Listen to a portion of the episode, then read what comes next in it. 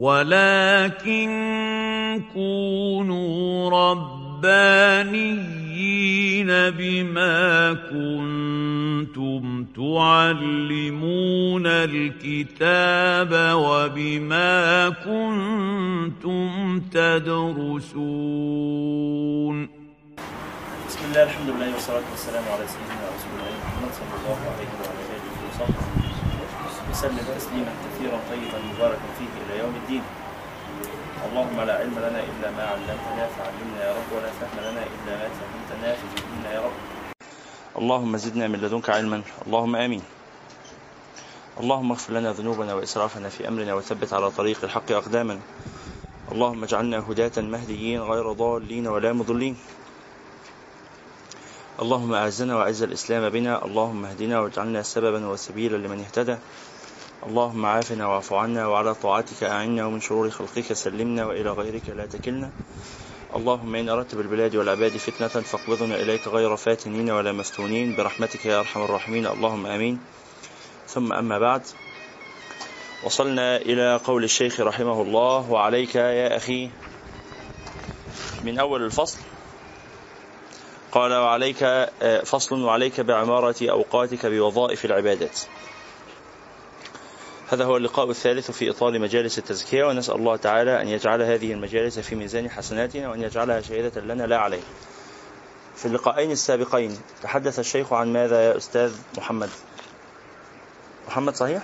نعم في اللقاءين السابقين تحدث الشيخ صاحب الكتاب الإمام الحداد رحمه الله تحدث عن ماذا؟ تحدث عن اليقين ثم تحدث عن المراقبة. صدقت. ثم تحدث عن عمر. كنت معنا. تحدث عن اليقين وتحدث عن المراقبة. ثم تحدث عن شيخ أحمد. هذه هي المراقبة. أن يكون أن تكون السريرة خيرا من العلانية أو على الأقل أن تكون السريرة مثل العلانية. نعم وتحدث عن عمارة الأوقات بوظائف العبادات. فتح الله لك شيخ محمد إبراهيم. يبقى هذه هي المواضيع الثلاثة التي مررنا عليها. الأمر الأول اليقين. ويقوى اليقين بأسباب. هي تذكر؟ ثلاثة أسباب لتقوية اليقين. ها تفضل. هذا هو اليقين. يقوى بثلاثة أشياء. ما هي؟ غير إبراهيم. لا شخص آخر. تفضل. أول مرة. أهلا بك. ما اسمك؟ أهلا وسهلا. أنا اسمي أنس وهذا مجلس التزكية وأنت هنا في شيخ العمود. أهلا وسهلا. تفضل. مراقبة الله في السر والعلن هذه هي ثمرة اليقين. لكن ما هو بما يقوى اليقين؟ ثلاثة أسباب لتقوية اليقين. أولها قراءة القرآن ودليلها يشهد لها من كتاب الله قوله تعالى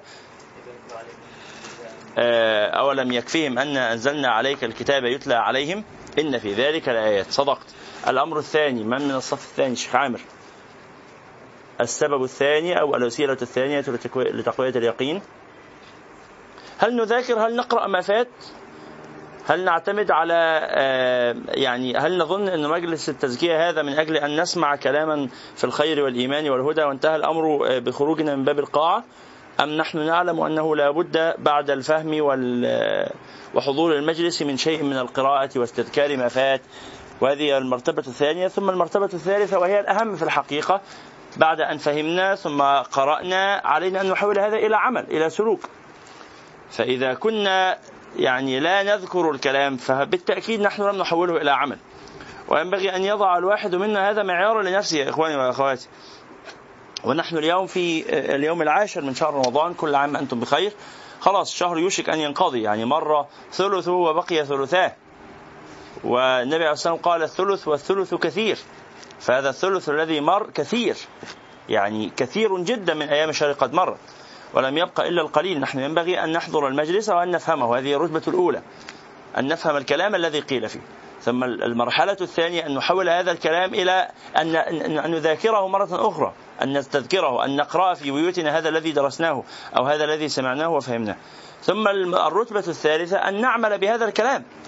أن نحوله إلى برنامج عمل. إن أنا أراقب نفسي أتعهد نفسي. أنا كانت عندي حاجات عملية بعملها. واحد اثنين ثلاثة عشان اليقين. كان عندي حاجات أعملها عشان المراقبة. واحد اثنين ثلاثة قلنا هنعامل الناس في البيت إزاي؟ هنعامل قرايبنا إزاي؟ هنتعبد عبادة سر. حن ح...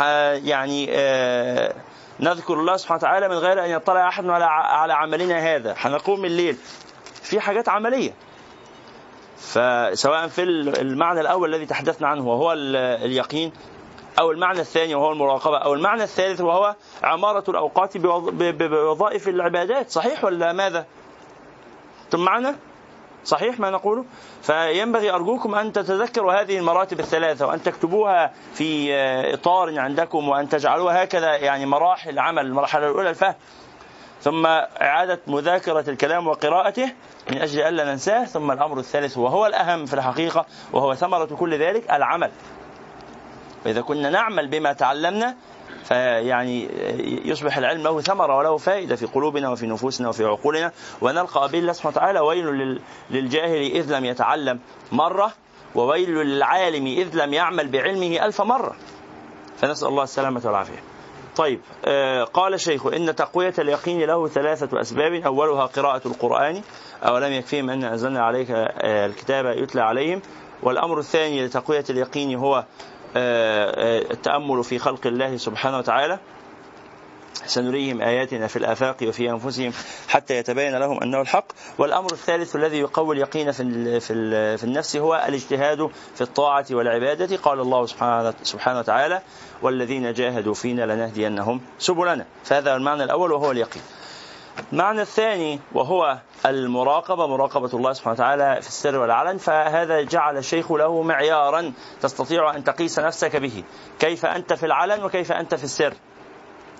فإذا كان إذا كنت في العلن من أهل الشر فأنت بر الكلام أصلا. نسأل الله السلامة والعافية لنا وللجميع من الأحباب والصالحين. ينبغي أن تكون أن يكون ظاهرك خيرا. ينبغي أن تكون في العلن من أهل الصلاح والخير. ثم ينبغي أن تكون في السر أكثر صلاحا أو على الأقل في نفس رتبة الصلاح التي أنت عليها في العلن فهذا هو الأمر الثاني. الأمر الثالث عمارة الأوقات بوظائف العادات. قلنا في هذا قاعدة. ها؟ لا يستقيم مع ال... آه صوتكم ضعيف ويبدو أنكم نسيتم القاعدة. القاعدة تقول مرة أخرى القاعدة تقول مرة ثالثة القاعدة تقول إذا هذه هي المرحلة أو هذا هو الأمر الثالث. لو سمحت يا شيخ محمد لو أرسلت لنا بسيف. سيف يجلس في قل له يأتي. إذا آه، هذا هو المعنى الثالث عمارة الأوقات بوظائف العبادات. نقرأ الآن آه، من الصفحة 35 بسم الله تفضل شيخ يونس تكرمني بماء الله يكرمك. سقاك الله من أهل الكوثر. بسم الله قال فصل. وعليك بعمارة أوقاتك بوظائف العبادات. ها هذا هو المعنى الذي جعل مقدمته في اللقاء السابق. أو تحدثنا عن مقدمته في اللقاء السابق. وعليك بعمارة أوقاتك بوظائف العبادات حتى لا تمر ساعة من ليل أو نهار. جزاك الله خيرا. إلا وتكون لك فيها وظيفة. حاضر. وعليك بعمارة أوقاتك بوظائف العبادات حتى لا تمر ساعة من ليل أو نهار إلا وتكون لك فيها وظيفة من الخير. تستغرق تستغرقها بها فبذلك تظهر بركات الأوقات وتحصل فائدة العمر ويدوم الإقبال على الله تعالى. وينبغي أن تجعل لما تتعاطاه من العادات كالأكل والشرب والسعي للمعاش أوقاتا تخصها. الشيخ بيقول لك نظم وقتك.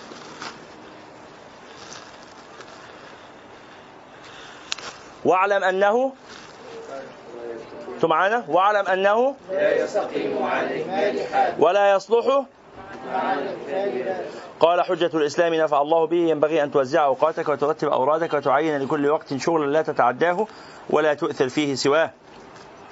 وأما من ترك نفسه مهملا سدى إهمال البهائم يشتغل في كل وقت بما اتفق كيف اتفق فتمضي أكثر أوقاته ضائعة وأوقاتك عمرك وعمرك رأس مالك وعليه أصل تجارتك وبه وصولك إلى نعيم الأبد في جوار الله تعالى فكل نفس من أنفاسك جوهرة لا قيمة له إذ لا عوض له وإذا فات فلا عود له. ولا ينبغي أن تستغرق جميع أوقاتك بورد واحد. هذا لم نقرأه في اللقاء السابق. قال ولا ينبغي ولا ينبغي أن تستغرق جميع أوقاتك بورد واحد. وإن كان أفضل الأوراد. ليس معك كتاب. جيب كتاب.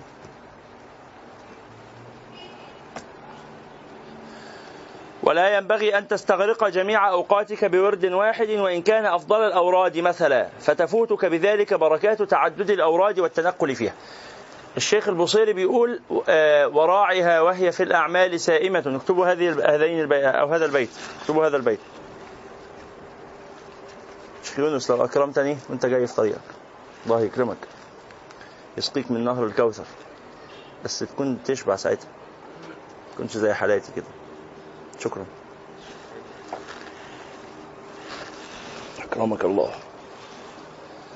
سبحان الله. لو عندك خرطوم ممكن ت... اكتفي بهذا إن شاء الله. بسم الله. قال إيه؟ وراعها وهي في الأعمال سائمة. هذا الشطر الأول.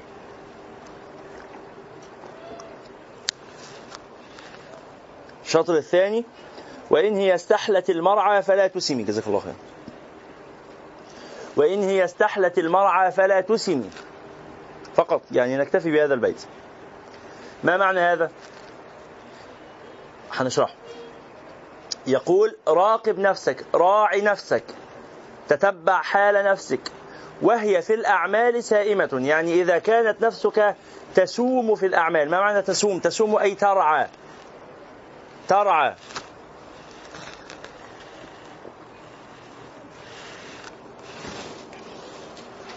فإذا كانت نفسك تسوم في الأعمال فراقبها وتتبعها. هذه نسختي نعم. هي هي. اكتب فيها إن شئت.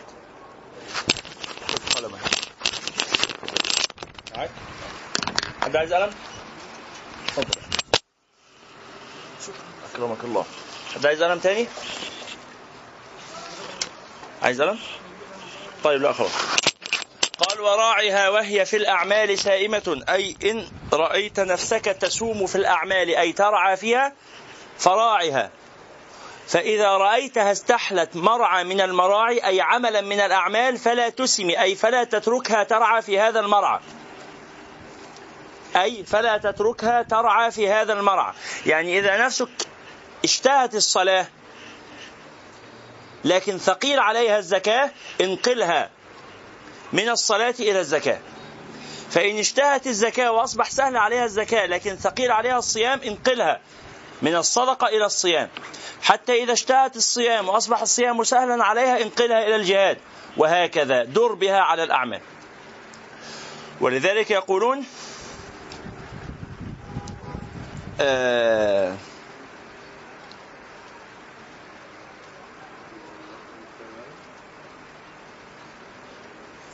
خشية خشية الأغنياء بدموعهم خشية لله كاذبة. خشية الأغنياء بدموعهم خشية لله كاذبة. لماذا؟ معنى هذا الكلام ما معنى هذا الكلام؟ إنه هذا الغني الذي عنده ملايين ولا عنده آلاف الدنانير والدراهم والجنيهات والدولارات وغيره هذا إذا وقف لله يصلي ويبكي ويقضي نهاره صائما وليله قائما ويقول أنه بذلك يخشى الله سبحانه وتعالى ثم هو لا يخرج من ماله يوسع به على الناس يكنز المال يكنز الذهب والفضة ولا ينفقها في سبيل الله هذا كاذب في دعوى الخشية. كاذب في دعوى الخشية. لماذا؟ لأن عبادته ها؟ هي الإخراج والإنفاق. لماذا؟ لأنه مقامك حيث أقامك. أقامه الله سبحانه وتعالى في في المال. فجهاده إخراجه من هذا المال. مقامك حيث أقامك. كل إنسان عنده يا أخواني مواهب وملكات. كل إنسان عنده مواهب وملكات. وإذا لم تستعمل مواهبك ولم يعني تفاعل ملكاتك فأنت بذلك مقصر تقصيرا شديدا ويحاسبك الله سبحانه وتعالى على هذا حاضر. ولذلك قالوا لو إحنا مثلا في مكان ليس فينا أحد يستطيع أن يصلي آه، يقرأ الفاتحة جيدا. إلا واحد بس. قالوا اذا يجب وجوبا عينيا على هذا الواحد أن يصلي اماما. طب بس الفرار من الإمامة وما بنحبش الإمامة وأنا طبيعتي ما بتملش الإمامة بحب أصلي مأموم بحب أصلي منفرد. لا تعينت فيك الإمامة. ليه؟ مفيش حد يقرأ. فهمتوا المسألة؟ فأنت عندك إمكانيات. هتقول يعني أنا ذنبي إن أنا الوحيد اللي بعرف أقرأ. أه مش ذنبك ولا حاجة بس الله سبحانه وتعالى أعطاك هذا ال... هذه الإمكانية. هي إمكانية القراءة أنك تحسن القراءة أنك حسن الصوت أنك كده. الله سبحانه وتعالى أعطاك هذه الإمكانية وسيحاسبك عليها. فأنت سايب اللي بيصلي بالناس واحد صوته نشاز صوته مزعج بيؤذي الأذن والناس مش مبسوطة في الصلاة وراه. وأنت تحسن القراءة وبيقولوا لك يلا تقدم تقول لا أنا ورع. لا ده ورع كاذب. ورع كاذب. ولذلك قالوا إذا تعينت صفات الخلافة في إنسان ولم يوجد غيره وجب عليه أن يتصدر للخلافة يقول يا جماعة أنا عايز أبقى رئيس عايز أبقى خليفة. ليه يقول كده؟ ولازم يظهر نفسه ما ينفعش يخبي إمكانيات. الأصل إنك بتتواضع. الأصل إنك تتواضع. لكن في أوقات التواضع فيها حرام. أنتوا حضراتكم معايا؟ حرام تتواضع. ليه حرام تتواضع؟ لأن أنت كده بتضيع الحقوق. لأن أنت كده بتفسد الدنيا. إذا وسد الأمر إلى غير أهله فانتظر الساعة أو قال فثم الساعة أو كما قال صلى الله عليه وسلم. فاذا أنت عندك إمكانيات. أنت بتعرف تبقى دكتور. عندك إمكانيات طبية. تخرجت في كلية الطب. إحنا هنا قاعدين في القاعة وحد اغمى عليه. تقول لا والله أصل أنا ما بحبش يبان قدام الناس ان أنا دكتور فإيه؟ أبقى فخور كده بنفسي. يقولوا لي الدكتور راح والدكتور جه. ده أنا جاي أحضر درس راجل غلبان. لكن لو فجأة كده عرفوا إن أنا دكتور وبدأوا يقدروني ويحترموني بتاع لا لا أنا هتواضع. طب وبعدين؟ الراجل هيموت. لا لا أنا متواضع. يا عم آه، أرجوك تعالى اتقي لا لا لا معلش أنا ما بحبش إن أنا إيه يرى مكاني بين الناس. أنا ورع. لا البعيد غبي. ليه؟ لأن الله سبحانه وتعالى سيسألك عن هذه الإمكانية التي أكرمك بها، أنت بتعرف تعالج الناس. أنت بتعرف تنظر إلى الأمراض. هو ممكن يكون محتاج حاجة بسيطة بس. أنت تيجي تقول لنا لو سمحتوا خلوا رقبته لورا عشان هو أغمى عليه. وعلاجه كده إنكم تخلوا رقبته لورا. بدل ما يبلع لسانه. ما أعرفش الحاجات الإسعافات الأولية كده اللي أنت درستها كطبيب إنقاذا لحالة هذا الإنسان عشان ما يموتش. فأنت الآن عندك إمكانيات. إذا لم تستغل هذه الإمكانيات الله سبحانه وتعالى يحاسبك على هذا. فلكن مرة أخرى أحوال الناس مختلفة. أحوال الناس مختلفة. ولذلك ينبغي أن تنوع أورادك لتتنوع عليك الواردات. يعني إكرام الله سبحانه وتعالى كل إكرام ربما يكون متعلق بورد معين ذكر معين حال معين فعل معين.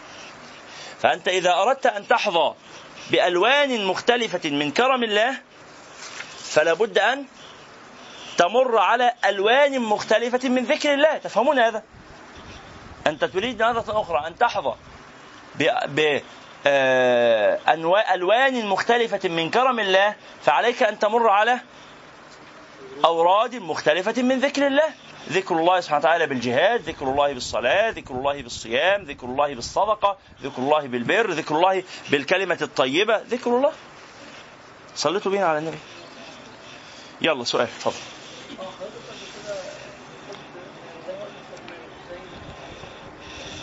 عفوا. خذ من الغني وقتا لا خلاص جزاك الله. خذ من الغني وقته ومن الفقير ماله. ماله.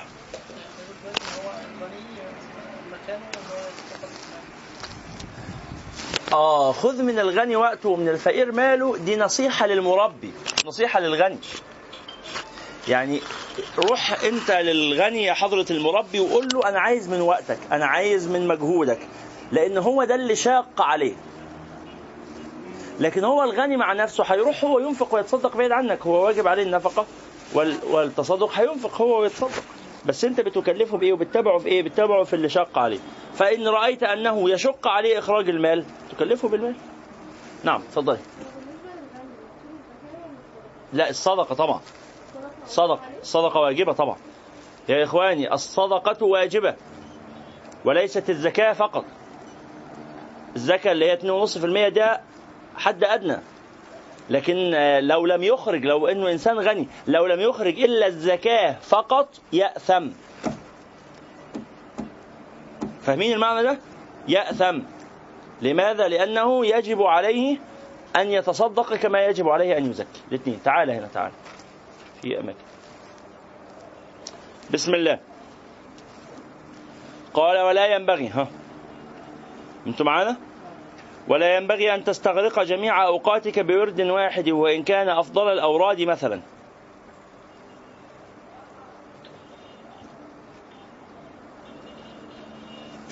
فتفوتك بذلك بركات تعدد الأوراد والتنقل فيها. فإن لكل ورد أثرا في القلب. أنت معانا خاطف فإن لكل ورد أثرا في القلب. ونورا ومددا ومكانة من الله تعالى ليست لغيره. وأيضا إذا انتقلت من ورد إلى ورد أمنت بذلك من السآمة والكسل ومن الضجر والملل. بتفضلش دايما سبحان الله سبحان الله سبحان الله. لا الحمد لله. لا إله إلا الله. الله أكبر. اللهم صل على سيدنا محمد صلى الله عليه وسلم. طيب وإذا كنت أحب وردا معينا وأكثر منه زي الصلاة على النبي صلى الله عليه وسلم اللي عايزة أستاذة إيمان تسأل عليها دلوقتي. نجاوبها من غير ما تسأل. حد بيقول طب مش الصلاة على النبي عليه الصلاة والسلام أعظم الذكر؟ واحد راح سأل النبي عليه الصلاة والسلام يا رسول الله أجعل كذا أجعل كذا. إلى آخر الحديث اللي إيمان عايز تسأل عليها؟ صح؟ طيب. إيه الوضع بقى ساعتها؟ تكثر إيه؟ بالظبط إنه النبي عليه الصلاة والسلام لما رجل سال وقال رسول الله أجعل ثلث دعائي لك؟ قال ما شئت وإن زدت فخير. قال رسول الله أجعل شطر دعائي لك؟ قال ما شئت وإن زدت فخير. قال رسول الله أجعل دعائي كله لك؟ قال اذا يغفر ذنبك وتكفى همك. صلى الله عليه وسلم. العلماء قالوا إيه؟ قالوا اذا اجعل أكثر ذكرك في الصلاة على النبي صلى الله عليه وسلم. اجعل أكثر ذكرك في الصلاة على النبي صلى الله عليه وسلم. لكن ليس معنى هذا أن تجعل كل الذكر في الصلاة على النبي عليه الصلاة والسلام طب والراجل ده قالوا دي كانت واقعة عين لأن هو الراجل ده ظروفه كده. هذا ما يصلحه أكثر من غيره. فالراجل ده كان اللي يصلحه إنه لا يفعل شيء إلا الصلاة على النبي عليه الصلاة والسلام لكن لو إنه كل الناس لا يصلحهم إلا الصلاة على النبي عليه الصلاة والسلام ما كانش رسول الله صلى الله عليه وسلم نفسه علمنا إن إحنا نقول لا إله إلا الله وحده لا شريك له له الملك وله الحمد يحيي ويميت وهو حي لا يموت بيده الخير وهو على كل شيء قدير. ما كانش النبي عليه الصلاة والسلام علمنا إن إحنا نقول لا حول ولا قوة إلا بالله كنز من كنوز الجنه. ما كانش النبي عليه الصلاة والسلام علمنا نقول كلمتان خفيفتان على اللسان ثقيلتان في الميزان حبيبتان إلى الرحمن سبحان الله وبحمده سبحان الله العظيم. فإذا هذه كلها أذكار وأوراد طيبة وصالحة لكن اجعل أولها الصلاة على النبي عليه وسلم وآخرها الصلاة على النبي عليه الصلاة وأوسطها الصلاة على النبي عليه الصلاة والسلام فهمتم؟ تفضل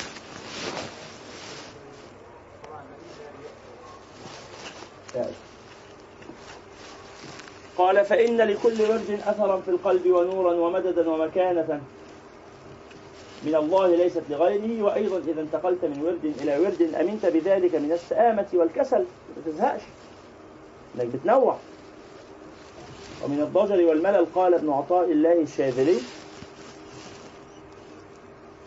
هو ابن عطاء الله شاذلي ولا سكندري؟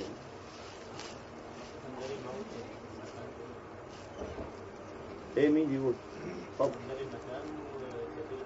أيوه.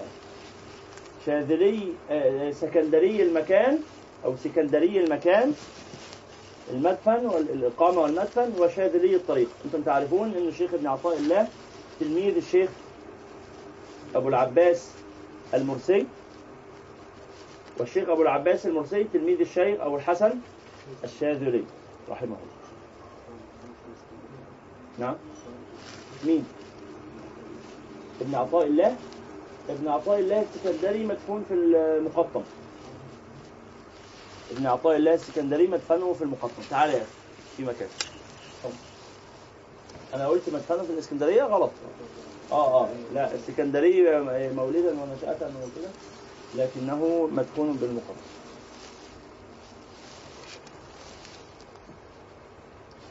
قال ابن عطاء الله الشاذلي رحمه الله لما علم الحق منك وجود الملل لون لك الطاعات.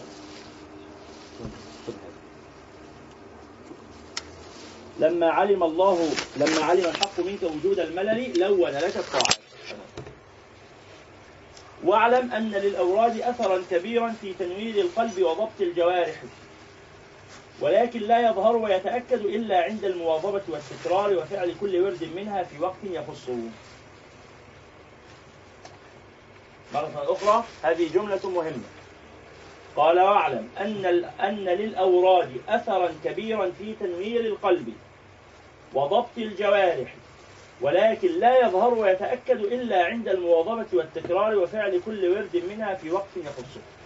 يعني سبحان الله هذا ورد إذا دمت عليه واستمر لسانك به سبحان الله سبحان الله سبحان الله سبحان الله سبحان الله عشرة آلاف مرة في اليوم مثلا أو ربما مئة ألف مرة في اليوم أو ربما أكثر من هذا أو ربما أقل.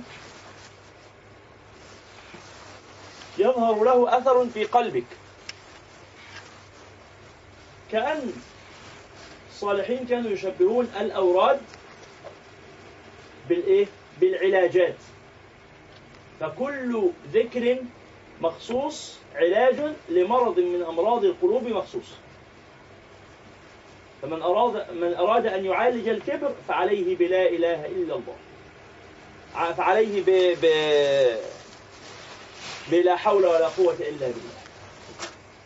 ومن أراد أن يعالج الاعتماد على الخلق فعليه بلا إله إلا الله. ومن أراد أن يعالج نعم. هتدينا قلما؟ خلاص وصلت؟ لا في قلم تاني حد عايز قلم يا جماعة؟ اتفضل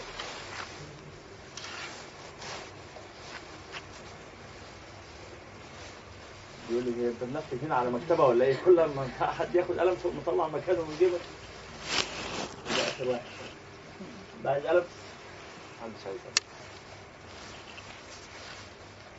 فإذا الأوراد كل ذكر مخصوص علاج لمرض مخصوص فقال آخرون لا بل الأوراد كالأغذية المخصوصة ها الفرق ده عن الأولاني إيه؟ الأولاني قالوا الأوراد كإيه؟ بيعالج مرض بيعالج أمراض مخصوصة الآخرون قالوا لا الأوراد أغذية مخصوصة إيه؟ لا أغذية مخصوصة يعني لابد منها ليس لعلاج المرض فقط بل لاكتساب الصحة أيضا. لأنه الأمراض تعالج الأمراض. لأنه قصدي الأدوية تعالج الأمراض. لكن ما الذي يكسب الصحة؟ الغذاء. وهل حاجة الإنسان إلى الغذاء أكثر أم حاجته إلى الدواء؟ الغذاء. إحنا بناخد الغذاء كل يوم الدواء عند الحاجة فقط. فنحن حاجتنا إلى الأوراد كحاجتنا إلى الغذاء أم كحاجتنا إلى الدواء؟ إلى الغذاء ثم قال آخرون بل, بل من الأوراد ما هو كالغذاء ومن الأوراد ما هو كالدواء لأن بعض الغذاء قد يكون دواء بكثافة معينة أو في أوقات معينة هو الدواء عبارة عن إيه؟ فيتامين بي ولا إيه ولا كده ما هو ده متاخد من من الأكل بس جرعة مكثفة شوية في وقت معين بطريقة معينة فمن الأصل أن الأوراد تكون غذاء ولا دواء؟ غذاء ثم في أوقات معينة تستحب أو تزداد يزداد فضلها وتكون في هذه الحالة كدواء لأمراض معينة تظهر يعرفها الإيه؟ المربي أو الخبير الحكيم إلى قال واعلم أن نعم في أمثلة كثيرة ستأتي الآن. إن شاء الله. قال واعلم أن للأوراد أثرا كبيرا في تنوير القلب وضبط الجوارح ولكن لا يظهر ويتأكد إلا عند المواظبة والتكرار وفعل كل ورد منها في وقت يخصه فإن لم تكن ممن يستغرق جميع ساعات ليله ونهاره بوظائف الخيرات فاجعل لك أورادا تواظب عليها في أوقات مخصوصة. وتقضيها مهما فاتت يعني لما يبقى عندك ورد من الذكر ورد من الصلاة على النبي عليه وسلم ورد من قراءة القرآن ورد من سبحان الله الحمد لله لا إله إلا الله الله أكبر. لما يبقى عندك ورد معين من أي حاجة ويفوتك هذا الورد ينبغي أن تقضيها. ولذلك يستحب قضاء النوافل كلها. يعني اللي فاتته سنة العشاء القبلية يصليها دلوقتي. اللي فاتته سنة الظهر القبلية يصليها دلوقتي. اللي فاتته سنة العصر القبلية. يصليها دلوقتي. اللي فاته قيام الليل يصلي الصبح أول ما يصحى من النوم.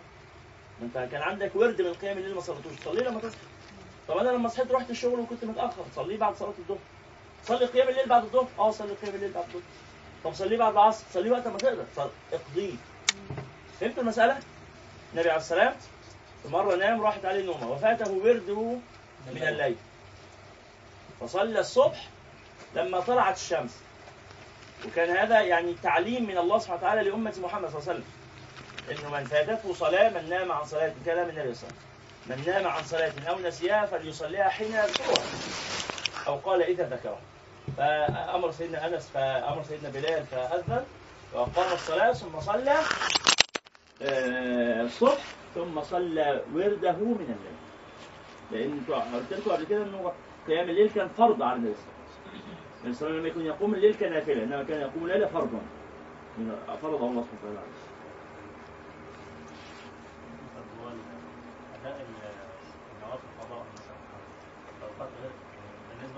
في أي وقت؟ في أي وقت؟ النوافل تقضى في أي وقت؟ نعم. أقول أوراق أو أوقات مخصوصة لازم وقت مخصوص. يعني عندي مثلا ورد مثلا أنا مثلا مرة في اليوم. مفيش مشكلة بس ما هو على حسب الأحوال. يعني كل واحد ما هو على حسب انت ملتزم مع شيخ مربي يتعهد حالك فلو ألزمك بحاجة تلتزم بيها.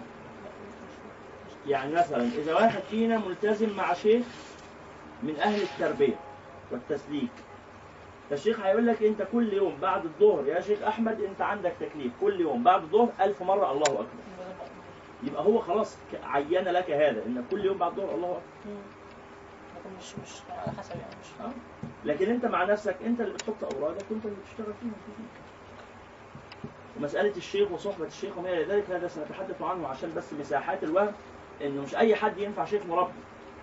المشايخ ثلاثة شيخ يا جماعة اسمه شيخ تزكية وشيخ اسمه شيخ تربية وشيخ اسمه شيخ ترقية. ساعات ما تتداخلش عندنا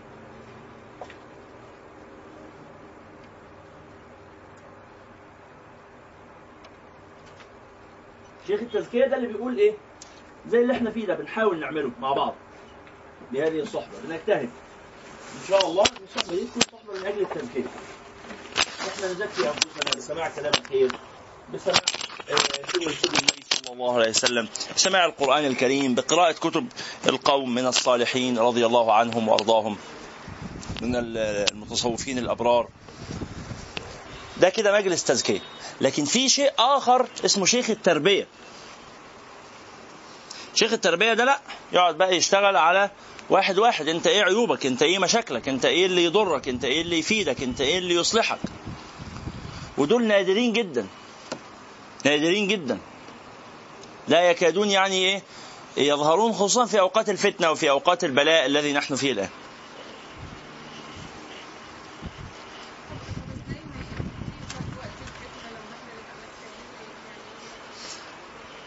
لا لا لهذا شأن آخر ربما نذكره لاحقا إن شاء الله. على كل حال فيبقى المجالس اللي إحنا بنشوفها حوالينا أغلبها أو تقريبا كلها شيخ تزكية. المشايخ اللي معانا شيخ العمود كلهم ربنا يكرمهم ويحفظهم ويتقبل منهم ده شيخ تزكية. خلاص. ال ال الإخوة الدعاء اللي بيجوا في التلفزيون اللي بيذكرونا بالله سبحانه وتعالى اللي بي بنحب كلامهم اللي بنتأثر بالأفكار الطيبة اللي بيقولوها شيخ تزكية. شيخ التربية حاجة إيه؟ أكثر خصوصية. ده بيقعد مع كل واحد لوحده كده ده عنده شغل تاني. زي الدكتور كده. خلاص؟ في دكتور بيطلع في التلفزيون يقول صحة عامة. دلوقتي إحنا لو قاعدين في محاضرة محاضرة طبية اللي بيتكلم الدكتور ده هل بيعالج أمراضنا؟ بيكشف علينا؟ لا ده بيقول لنا معلومات عامة كده في الصحة العامة. لكن اللي بيكشف عليا ويشوف حالتي أنا ويديني الدواء بتاعي أنا ويتابعني وأروح له كل أسبوعين عشان أشوف حالتي ده إيه؟ ده بتاع التربية بقى. في شيخ آخر شيخ الترقية. ده أعلى رتبة. اللي هو لا تعالى بقى أنت بقيت كويس. هنقلك درجة كمان.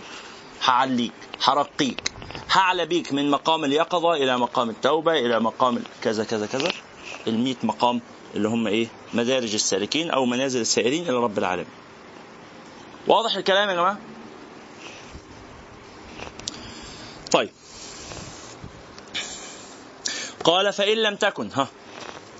فإن لم تكن ممن يستغرق جميع ساعات ليله ونهاره بوظائف الخيرات فاجعل لك أورادا تواظب عليها في أوقات مخصوصة وتقضيها مهما فاتتك لتعتاد النفس المحافظة عليها.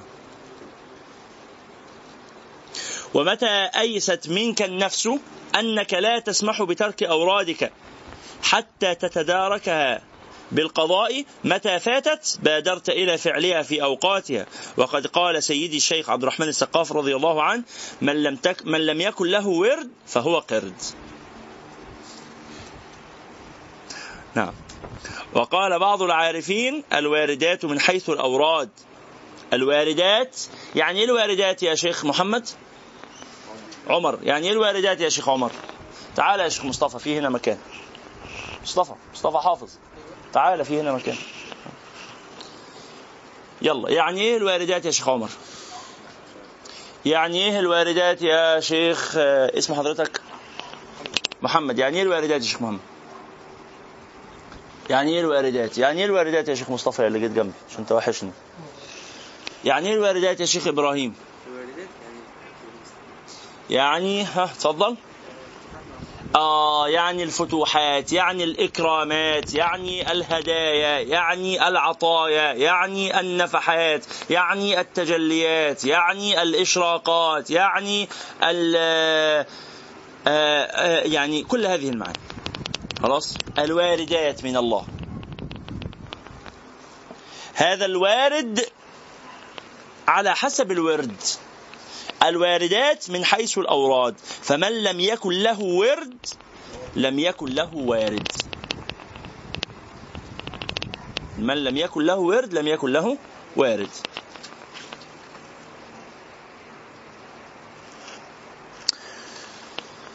يبقى اذا هذه الأوراد ينبغي أن تتعهد نفسك فيها وتحط لنفسك جدول كده أو حاجة تكتبها في الكالندر في الأجندة بتاعتك في المواعيد في ال... عندك أوراد لازم تنتظم فيها. بس خد بالك بقى في الأوراد دي قال وعليك بالقصد ولزوم الوسط من كل أمر. ما تجيش تبالغ. أيوه أنا عرفت إن أنا لازم يبقى عندي أوراد. خلاص. يبقى أنا هحط الأوراد بتاعتي كل يوم عشرة آلاف مرة من كذا وعشرة آلاف مرة من كذا وعشرة آلاف مرة من كذا وعشرة آلاف مرة من كذا. مع خدمة خمسة من المسلمين مع مساعدة ثلاثة من الفقراء مع زيارة عشرة من من المحتاجين إلى المساعدة مع مع. كل ده في يوم واحد. لا تستطيع. خليك واقعي. حاجة لحضرتك حاجة قال وعليك بالقصد ولزوم الوسط من كل أمر وخذ من الأعمال ما تطيق المداومة عليه. يبقى البرنامج بتاعك يكون برنامج واقعي. برضه ما يكونش برنامج هايف. يعني ما إيه أنا كل يوم هقول سبحان الله ثلاث مرات. والحمد لله مرتين والله أكبر مرة. بس عشان أبقى واقعي أصلا بتعب من الذكر. وهفضل يعني وده أوراد بحيث لو فاتتني إيه أرجع أقضيها تاني. فوت إيه؟ فوت إيه؟ فوت إيه فات عليك قطر فوت إيه؟ هي دي أوراد تاخد منك حاجة ولا أصلا دي تعتبر أوراد ولا ده, ده, ده بتقولها في لسانك لما تسرح؟ لما غصب عنك كده بتشيل بسم الله سبحان الله والحمد لله ولا إله إلا الله وأنت بتشيل الحاجات وأنت مش واخد بالك من نفسك. لكن هتقعد يلا بقى والورد ده لازم له استعداد. أنت بتتوضى عشان الورد بتتوضى وتقعد مجلس معتدل مش الورد ما يبقاش وأنت نايم. تتوضا وبعدين تجلس في جلسة معتدلة مستوية وتتوجه إلى القبلة. وتبدأ بالصلاة على النبي عليه الصلاة والسلام. خلاص؟ وتثني على الله سبحانه وتعالى بما هو أهله. وبعدين تبدأ في الورد بتاعك بعد كل الاستعداد إيه؟ سبحان الله الحمد لله ولا إله إلا الله والله اكبر الحمد لله خلصت قوم بقى. لا طبعا. آه طيب فيبقى إذا وعليك بالقصد ولزوم الوسط من كل أمر وخذ من الأعمال ما تطيق المداومة عليه. قال رسول الله صلى الله عليه وسلم أحب الأعمال إلى الله أدومها وإن قل. وقال عليه الصلاة والسلام خذوا من الأعمال ما تطيقون فإن الله لا يمل حتى تملوا ومن شأن الشيطان لعنه الله أن يزين للمريد في مبدأ إرادته الاستكثار من الطاعات والإفراط فيها. يعني إن الله لا يمل حتى يمل يعني ربنا سبحانه هيمل من الطاعات هذا من المجاز. آه. نسبة الملل إلى الله سبحانه وتعالى هذه من الصفات التي لا تجوز في حق الله. سبحانه وتعالى إن كانت على حقيقتها إن كانت على ظاهرها. لكن هي من المجاز. معناها أن الله سبحانه وتعالى لا يعجل بعجلة أحدكم إنه الله سبحانه وتعالى آه لا يصرف وجهه عنكم إلا بأن تصرفوا وجوهكم عنه. فأنتم إذا صليتم ثم غفل آه، غفل ذهنكم عن ربكم في الصلاة وشردتم. أو إذا صليتم ثم نمتم أثناء الصلاة أو نحو هذا هذه صلاة لا تنتفعون بثمرتها.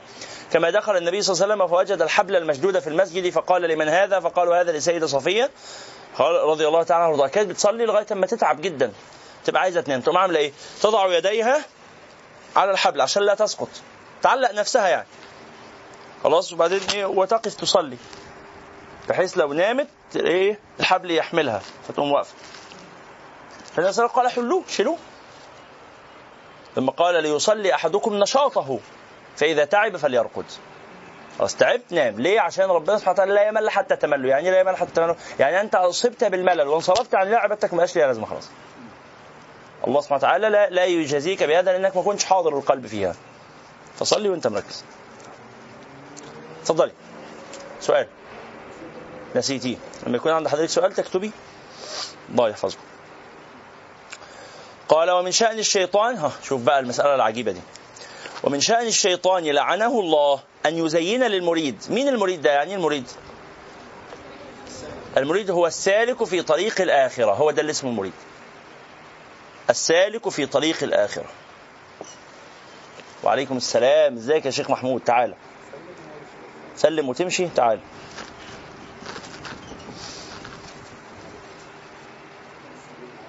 تعال تعال ازيك أنت طيب. أنت بالصحة والسلام الله يحفظك. ماشي إمتى؟ السبت اللي جاي؟ طيب وهو كذلك. هنتقابل الجمعة؟ يبقى تعال. في أي وقت أنا هنا على طول. نشرب شاي مع بعض ولا أي حاجة. بس يبقى تعالى بعد المغرب يعني عشان قبل المغرب مش هنعرف نشرب حاجة. على السلامه يا محمود. أخوكم في الجيش فادعوا له. يخدم القطن. إيه؟ طيب. وصلنا لفين؟ فمن هو المريد؟ هو السالك في طريق الآخرة. السالك في طريق الآخرة.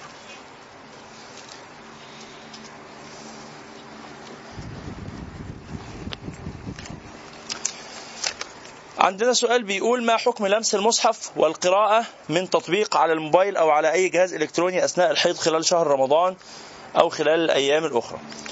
أه حاجة حاجة مس المصحف وحمله لا يجوز لغير المتوضئ سواء كان عنده حدث أكبر أو حدث أصغر. يعني الإنسان اللي مش متوضي سواء عنده حدث أكبر اللي هو الجنابة اللي هو الحيض اللي هو النفاس اللي هو نزول المني اللي هو الجماع اللي هو أي حاجة من الحاجات دي فده حدث أكبر يجب الغسل منه. أو حدث أصغر اللي هو دخول الخلاء أو لمس المرأة أو خروج الريح أو أي حاجة من الحاجات دي. حدث أصغر سواء حدث أكبر أو حدث أصغر لا يجوز مس المصحف. أهو ده اللي اسمه مصحف. لا يجوز أن ألمسه ولا أن أحمله إلا إذا كنت متوضئا يعني طاهر من الحدث الأكبر والأصغر. أما قراءة القرآن من غير مس المصحف اللي هو من خلال تطبيق الموبايل من خلال الكمبيوتر من خلال حفظي أنا حافظ فبسمع لنفسي أي حاجة. قراءة القرآن من غير مس للمصحف هذه يجب أن يكون الإنسان فيها طاهرا من الحدث الأكبر ولا بأس لو كان غير طاهر من الحدث الأصغر. يعني لو إنسان محدث حدث أصغر يجوز له أن يقرأ القرآن من الموبايل من حفظه يسمع لنفسه عنده حدث أصغر. لكن عنده حدث أكبر. زي ما قلنا الحدث الأكبر أسبابه كلها بقى الحيض النفاس. الحيض ده حدث أكبر. فالمرأة التي عندها حيض أو نفاس أو نحو هذا هذه لا يجوز لها أن تقرأ القرآن ولا من تطبيق الموبايل ولا من الآيفون ولا من الآيباد ولا من أي حاجة خالص ولا من الكمبيوتر. لكن يجوز ولا من حفظها. لكن يجوز لها أن تقرأ من كل هذه الأشياء أو من حفظها بعينها فقط من المصحف. تمرر عينيها على المصحف من غير ما تلمسه. تمرر عينيها على تطبيق الموبايل. مفيش مشكلة. تمر بعينها على الآيات لكن لا تجهر بالقراءة. فما تقولش الرحمن الرحيم الحمد لله رب العالمين الرحمن لا. ولا تقول لا لا هذا ولا ذاك إنما هكذا. هذا لا بأس به. وكذلك الرجل إن كان على جنابة استيقظ الرجل من نومه على جنابة مثلا احتلم نزل منه مني أي حاجة. خلاص؟ فيجوز له أن يقرأ القرآن من حفظه لكن من غير إيه؟ تحريك للشفاة أو إخراج للصوت. واضح هذا؟ السؤال الثاني ما حكم سجدة التلاوة أثناء ركوب المواصلات؟ ما اسجدش وأنا راكب بالمواصلات ما اسجدش سجدة التلاوة يجب فيها ما يجب في الصلاة من استقبال القبلة وستر العورة و آه، وطهارة الأعضاء من الحدث والنجس. لازم أكون متوضي لازم أكون ساتر العورة لازم أكون مستقبل القبلة. في سجود التلاوة لا بقول آه، سجد آه، سجد وجهي الذي خلقه وشق سمعه وبصره اللهم اجعل لي بها عندك زخرة وأعظم لي بها أجرا اللهم تقبلها مني كما تقبلتها من عبدك ونبيك داود. لو أنا مش حافظ الدعاء ده أقول سبحان ربي العظيم سبحان ربي الأعلى ثلاث مرات. وأنا في المواصلات أقول سبحان الله وبحمده مش عارف أسجد؟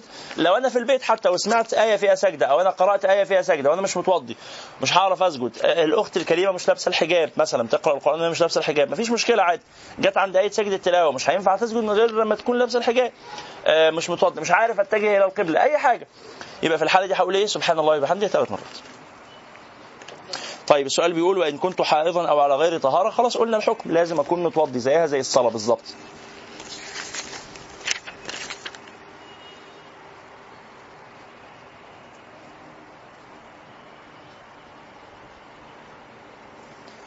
طيب في عندنا طلب بيقول ممكن الأخوات يقعدوا على الكرسي الأخير بس هل الكرسي الأخير يتسع للأخوات؟ لا أظن.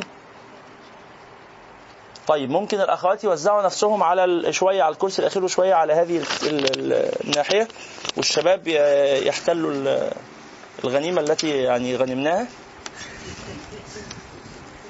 يلا تحبوا ولا ولا أنتم مستريحين كده؟ الشباب اللي قاعدين على الأرض محدش متضايق؟ الأخوات لو عايزين ترجعوا تاني ارجعوا الأمر إليكم. معلش إحنا آسفين. لو عايزين ترجعوا ارجعوا عايزين تفضلوا مكانكم الأمر إليكم. براحتكم خالص يعني. الشباب متأكدين ان أنتم مستقرين؟ خلاص. رعاية لا اتفضلوا خلاص استريحوا. ربنا يحفظكم. إحنا بس بنحاول نراعي العدد الكبير يعني. اللهم صل على سيدنا محمد وعلى آله. نعم. ثم قال ها. ومن شأن الشيطان لعنه الله. أن يزين للمريد في مبدأ إرادته الاستكثار من الطاعات والإفراط فيها. وغرضه من ذلك أن يرده على عقبه بترك فعل الخير أصلا. كيف هذا؟ كيف هذا؟ بالضبط. يعمل كتير لغاية ما يزهق فيسيب كل حاجة. يسيب كل حاجة. تيجي يجي في يرتب على نفسه أوراد كثيرة جدا فإذا قصر في واحد منها ترك البقية. ولذلك أحب الأعمال إلى الله أدومها. امشي بمعدل بطيء بس امشي. فين أنتم مثال السلحفة وال والأرنب امشي بمعدل بطيء بس امشي. لكن تجري بسرعة قوي. النبي عليه الصلاة والسلام قال اكتبوا هذا الدعاء أي هذا الحديث. قال صلى الله عليه وسلم إن المنبت لا أرضا قطع ولا ظهرا أبقى.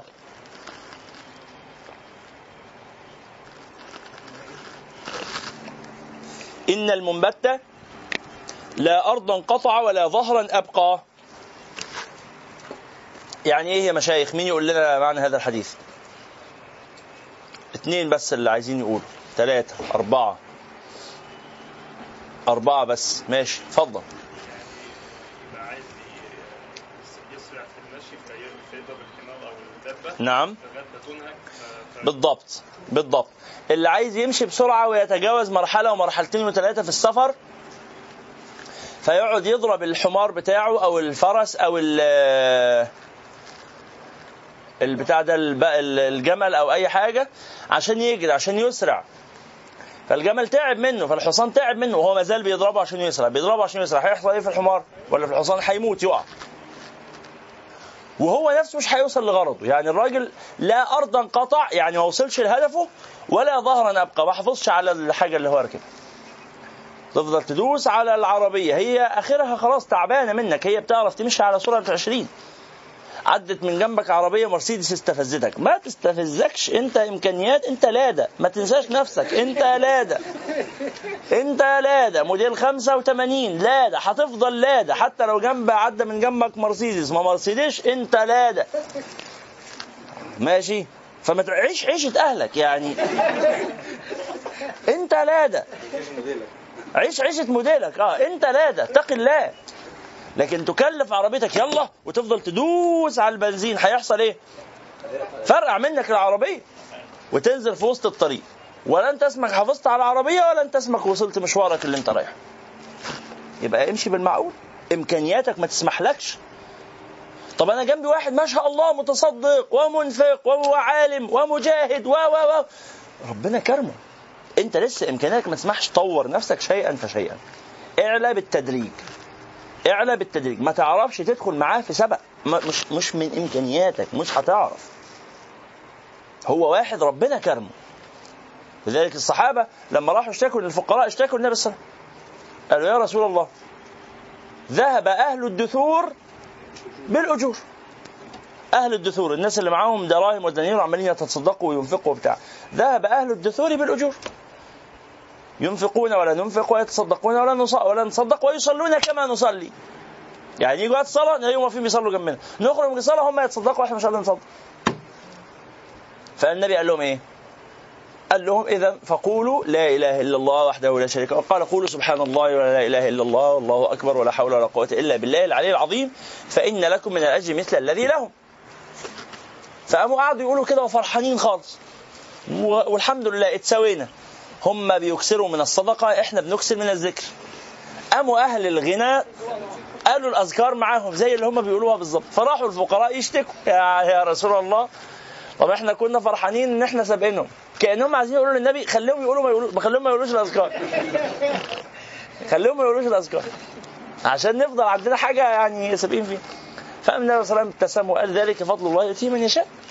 يعني أنا مش هعرف اعطلهم بس مع ذلك النبي عليه وسلم كان يحب الفقراء وكان يدعو الله تعالى أن يحشره مع المساكين. وكان آه، ويقول لسيدنا عبد الرحمن بن عوف إنك آه، إن هو آخر من يدخل الجنة. رغم كثرة الإنفاق سيدنا عبد الرحمن بن عوف كان ينفق صبيحة كل يوم. كان كان يربح كان يربح صبيحة كل يوم مئة ألف دينار. ويمسي وليس عنده منها شيء. كل يوم الصبح مئة ألف دينار مكسب. مئة ألف دينار الدينار يا جماعة دلوقتي ب 4200 جنيه. لا لا يعني هو سعره كده 4200 جنيه. يعني ال 100000 يبقوا بكام؟ 4 مليون. 4 مليون و 200 ألف. صبيحة كل يوم. إيه؟ 400 مليون؟ 4000 في 100 ألف. 400 مليون. 4 متأكد؟ 4000 كم صفر؟ ثلاث أصفار. 4000 ثلاث أصفار. وال 100 ألف؟ 400 مليون. 100 4000 1000 أيوه أيوه. مليون 100 420 مليون. نص مليار. نحسده بأسهل رجعي. نقر. آه. رضي الله تعالى عنه وأرضاه. لما مات يا جماعة وزعت تركته بالفؤوس من الذهب. يعني راحوا عشان يوزعوا التركة من الذهب فاشتغلوا مسكوا الفؤوس يكسروا الذهب بالفاس ويحملوا. كان عنده أربعة من النساء. نصيب النساء إيه؟ في ال- الزوجة لها الثمن من الميراث. فدلوقتي إيه؟ في وجود الولد. لو في فرع وارث فالمرأة تأخذ الثمن. ولو ما فيش فرع وارث المرأة بتأخذ الربع. الربع. آه الآية إيه؟ سورة النساء. ولكم نصف ما ترك أزواجكم إن لم يكن لهن ولد فإن كان لهن ولد فلكم الربع مما ترك من بعد وصية يوصي ولهن الربع مما تركتم إن لم يكن لكم ولد فإن كان لكم ولد فلهن الثمن مما تركتم فهو كان له ولد فإذا النساء لهم كام؟ الثمن. الثمن ده كان قد إيه؟ هو كان عنده أربع نساء فده معناه إن الاربعه هيشتركوا في الثمن. فكان حظ الواحدة منهن ألف ألف دينار. 2 مليون في الأول 2 مليون في أربعة فارب فاربع في أيوه أربعة نساء. فاربعه نساء يعني كده الاثنين في أربعة يبقى 8 مليون. يبقى 8 مليون هو ده الثمن. أيوه. 8 بقى؟ ده كده 12.5% من التركة. أيوه. 8 اضرب في 8 اضرب في 8 بالظبط. 64 ماشي. إن أنت يعني مركز مع الموضوع. مساله ميراث الله المستعان. آه في 4200 الله المستعان. فعلى كل حال نرجع مرة أخرى. فالشيطان ماذا يفعل؟ قال ومن شأن الشيطان لعنه الله أن يزين للمريد في مبدأ إرادته الاستكثار من الطاعات والإفراط فيها. وغرضه من ذلك أن يرده على عقبه بترك فعل الخير أصلا. أو فعله على غير الوجه الذي ينبغي. ولا يبالي اللعين بأيهما دهاه. ثم إن الأوراد تكون في الأكثر صلاة. صلاة نفل أو تلاوة قرآن أو قراءة علم أو ذكرا أو فكرا. يبقى الأوراد تكون إيه؟ صلاة أو تلاوة قرآن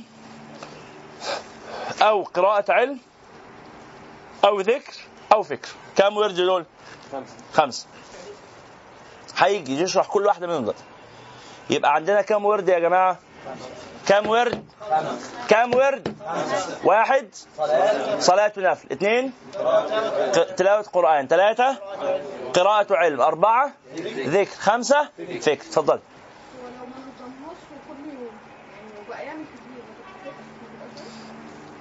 ما تتحسبش آه. هياخد ثواب عليها بس ما اسمهاش ورد. ليه؟ الله سبحانه وتعالى لم يأمرنا لما أمرنا بالصلاة ما قالش ابقوا صلوا. لما تحس إن أنتم مبسوطين بقوموا صلوا. لا رتبها لنا. وقت كذا هتعملي كذا. ليه؟ الشيخ المرة اللي فاتت قال لك كده. قال لك لا يستقيم مع ال... كنت معانا المرة اللي فاتت؟ كنتش معانا. اسمعي تسجيل المحاضرة والإخوة. اتفضلي. الأستاذة اسم حضرتك؟ اتفضلي. لا بأس. لا إشكال لا إشكال. اعمله في المواصلات اعمله في أي حاجة بس اعمله مع حضور القلب. نقول دي آداب للورد مش واجبات يعني آداب للورد. طيب بسم الله. اتفضل يبقى الأوراد كم ورد؟ خمسة. واحد؟ صلاة. اثنين؟ تلاوة قرآن. ثلاثة قراءة علم. أربعة؟ ذكر. خمسة؟ فكر. قال ونحن نذكر نبذة من الآداب التي يحتاج إليها العامل بهذه الوظائف الدينية فنقول ينبغي أن يكون لك ورد من صلاة النفل. زائد على النوافل الواردة. يعني أنت عندك فرائض وعندك نوافل واردة لازم أنت اللي تزود عليها حاجة خاصة بيك. فهمتوا يا جماعة؟ ينبغي أن يكون لك ورد من صلاة النفل زائد على النوافل الواردة. تعين له وقتا. وتضبطه بعدد تطيق المداومة عليه. انت مع نفسك انت ده ورد شخصي ورد شخصي. عندك فرائض خمسة في اليوم وعندك ركعات نافلة 12 ركعة معروفين أو 10 ركعات نوافل مؤكدات اثنين قبل الصبح اللي هم الفجر واثنين قبل الظهر واثنين بعده واثنين بعد المغرب واثنين بعد العشاء. يبقى دول عشرة أو أربعة قبل الظهر. واثنين بعد الظهر يبقى كده هيبقوا 12 سواء 10 أو 12 دي النوافل المؤكدات.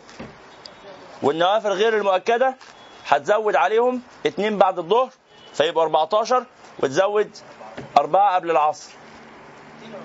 اثنين قبل العصر أو أربعة قبل العصر هذا أو ذاك. هذا أو ذاك. كل ده وارد. كل ده وارد. فأنت المفروض تكون بتعمل الورد الوارد وبعدين عندك ورد شخصي بقى. الورد الشخصي ده قد إيه؟ أي حاجة. أي حاجة زي ما تحب. وما تقولش دي بدعة. تعالي يا أستاذ في مكان في أماكن جوه. في أماكن واسعة. اتفضل. إيه؟ آه. وما تقولش دي بدعة. ليه ما تقولش دي بدعة ليه؟ لأن سيدنا بلال رضي الله تعالى عنه وأرضاه. النبي عليه الصلاة والسلام لما في رحلة الإسراء والمعراج لما رجع من رحلة المعراج الشريف صلى الله عليه وسلم فسأل بلال يا بلال بما سبقتنا إلى الجنة؟ فإني سمعت خفا عليك في الجنة. أنا سمعت انك سمعت صوتك أنا شفتك أنا عرفت بوجودك وهو لسه عايش في الدنيا سبحان الله. فقال يا رسول الله والله ما من شيء إلا أني ما أحدثت حدثا آه لا عفوا قال ما توضأت وضوءا إلا وصليت به ركعتين. دلوقتي صلاة ركعتين بعد الوضوء دي حاجة. كان النبي قايل له عليها ولا هو اللي كان بيعملها من نفسه؟ من نفسه. هو كان بيحب كده. لما يتوضأ يصلي ركعتين. فالنبي صلى الله عليه وسلم أقره. فدلوقتي أصبح بالنسبة لنا صلاة ركعتين بعد الوضوء سنة عن النبي ولا لأ؟ آه. سنة عن النبي. بإقرار النبي لفعل لسيدنا بلال. لكن لو ما كانش النبي أقر. كان شيء كان ما كانش هتبقى بالنسبة لنا سنة عن النبي كان هيبقى فعل شخصي لسيدنا بلال فيجي واحد من حضراتكم يقول أنا عندي فعل شخصي إن أنا هصلي ركعتين بعد آه، بعد الظهر بساعة كل يوم كل يوم الساعة واحدة ونص هصلي ركعتين، أنا نظامي كده، أنا هحب كده، لأن أنا الشيفت بتاعي في الشغل بيخلص واحدة ونص. فأنا ما انتهيت من عملي قط إلا وصليت بعده ركعتين. ما بدأت عملي إلا وصليت قبله ركعتين. ما جلست للمذاكرة إلا وصليت ركعتين. ما ختمت القرآن إلا وصليت أربع ركعات ركعتين ركعتين. أي حاجة. فهمت المسألة؟ أنت مع نفسك ترتب ورد شخصي ورد شخصي. يعني إيه شخصي؟ غير مقدر غير مرتب. أنت اللي مع نفسك تعمل حاضر. فهمت يا أخويا؟ إيه الحتة؟ ابدا غير صحيح. سابوا كتير. هو رحمة ربنا خلصت؟ ليه يعني؟ عشان إيه؟ هو التابعين رضي الله تعالى عنهم وأرضاهم دول لما فعلوا أشياء شخصية خاصة بهم كانوا واخدينها من النبي ولا كان فعل شخصي؟ فعل شخصي. اذا يدل هذا على إنه من حقك يبقى عندك عندك فعل شخصي والطرق إلى الخالق بعدد أنفاس الخلائق. نعم؟ البدعة. أمر محدث في دين الله تعالى يبتغى بذاته التقرب إلى الله إنك تشرعي عبادة جديدة. زي إيه؟ ناس هيشرعوا عبادة جديدة يسنونها يسنوها للناس مش لأنفسهم. فيقول يا جماعة صلاة ركعتين كل يوم الساعة واحدة ونص سنة. جبتها منين؟ هو كده. صلاة ركعتين واحدة ونص سنة. يبقى هو عمل إيه كده؟ أضاف إلى الدين ما ليس منه قال إنها سنة. أنا لما بصلي ركعتين واحدة ونص ما بقولش إنها سنة. أنا بصليهم ركعتين ساعة واحدة ونص اللي هو نهاية الشيفت بتاعي في الشغل على سبيل العادة والورد الشخصي. مش بقوله للناس إن هي سنة. أنا ما أضفتش في الدين. فهمتي؟ سؤال بيقول ماذا عن قضاء الفرائض؟ الفوائد. مثل من لم يكن يصلي لفترة ما ماذا يفعل؟ في حالتين. إن كان لا يتذكر المدة إن كان لا يتذكر المدة يقدرها. تقريبا قعد قد إيه ما بيصليش؟ تقريبا قعد سنة. تقريبا يعني قعد سنتين. تقريبا قعد 15 سنة. تقريبا. بالتقريب كده. ويصلي بعد كل صلاة صلاة لنفس المدة. قعد سنتين ما بيصليش يبقى بعد أن يتوب إلى الله ويبدأ في الصلاة يقعد سنتين يصلي بعد كل صلاة صلاة. فإن مات قبل ما يكمل السنتين اللي عليه خلاص يعني رحمة الله واسعة إن شاء الله. طب يتذكر المدة تقريبا؟ مثلا ألف يوم. ألف يوم يعني ثلاث سنين تقريبا أو سنتين ونص. فقلنا كده يصلي بعد كل فرض فرض مثل بس كده. طيب. وهل ال- صلاة القيام والضحى لا صلاة القيام صلاة القيام اللي هي التراويح 20 ركعة مش من النوافل الزائدة دي من النوافل الواردة. صلاة الضحى من النوافل الواردة وضروري تعملها برضه وستأتي الآن إن شاء الله. وكذلك القيام لا القيام مش مقدر. القيام وارد من غير تقدير لعدد معين. نعم.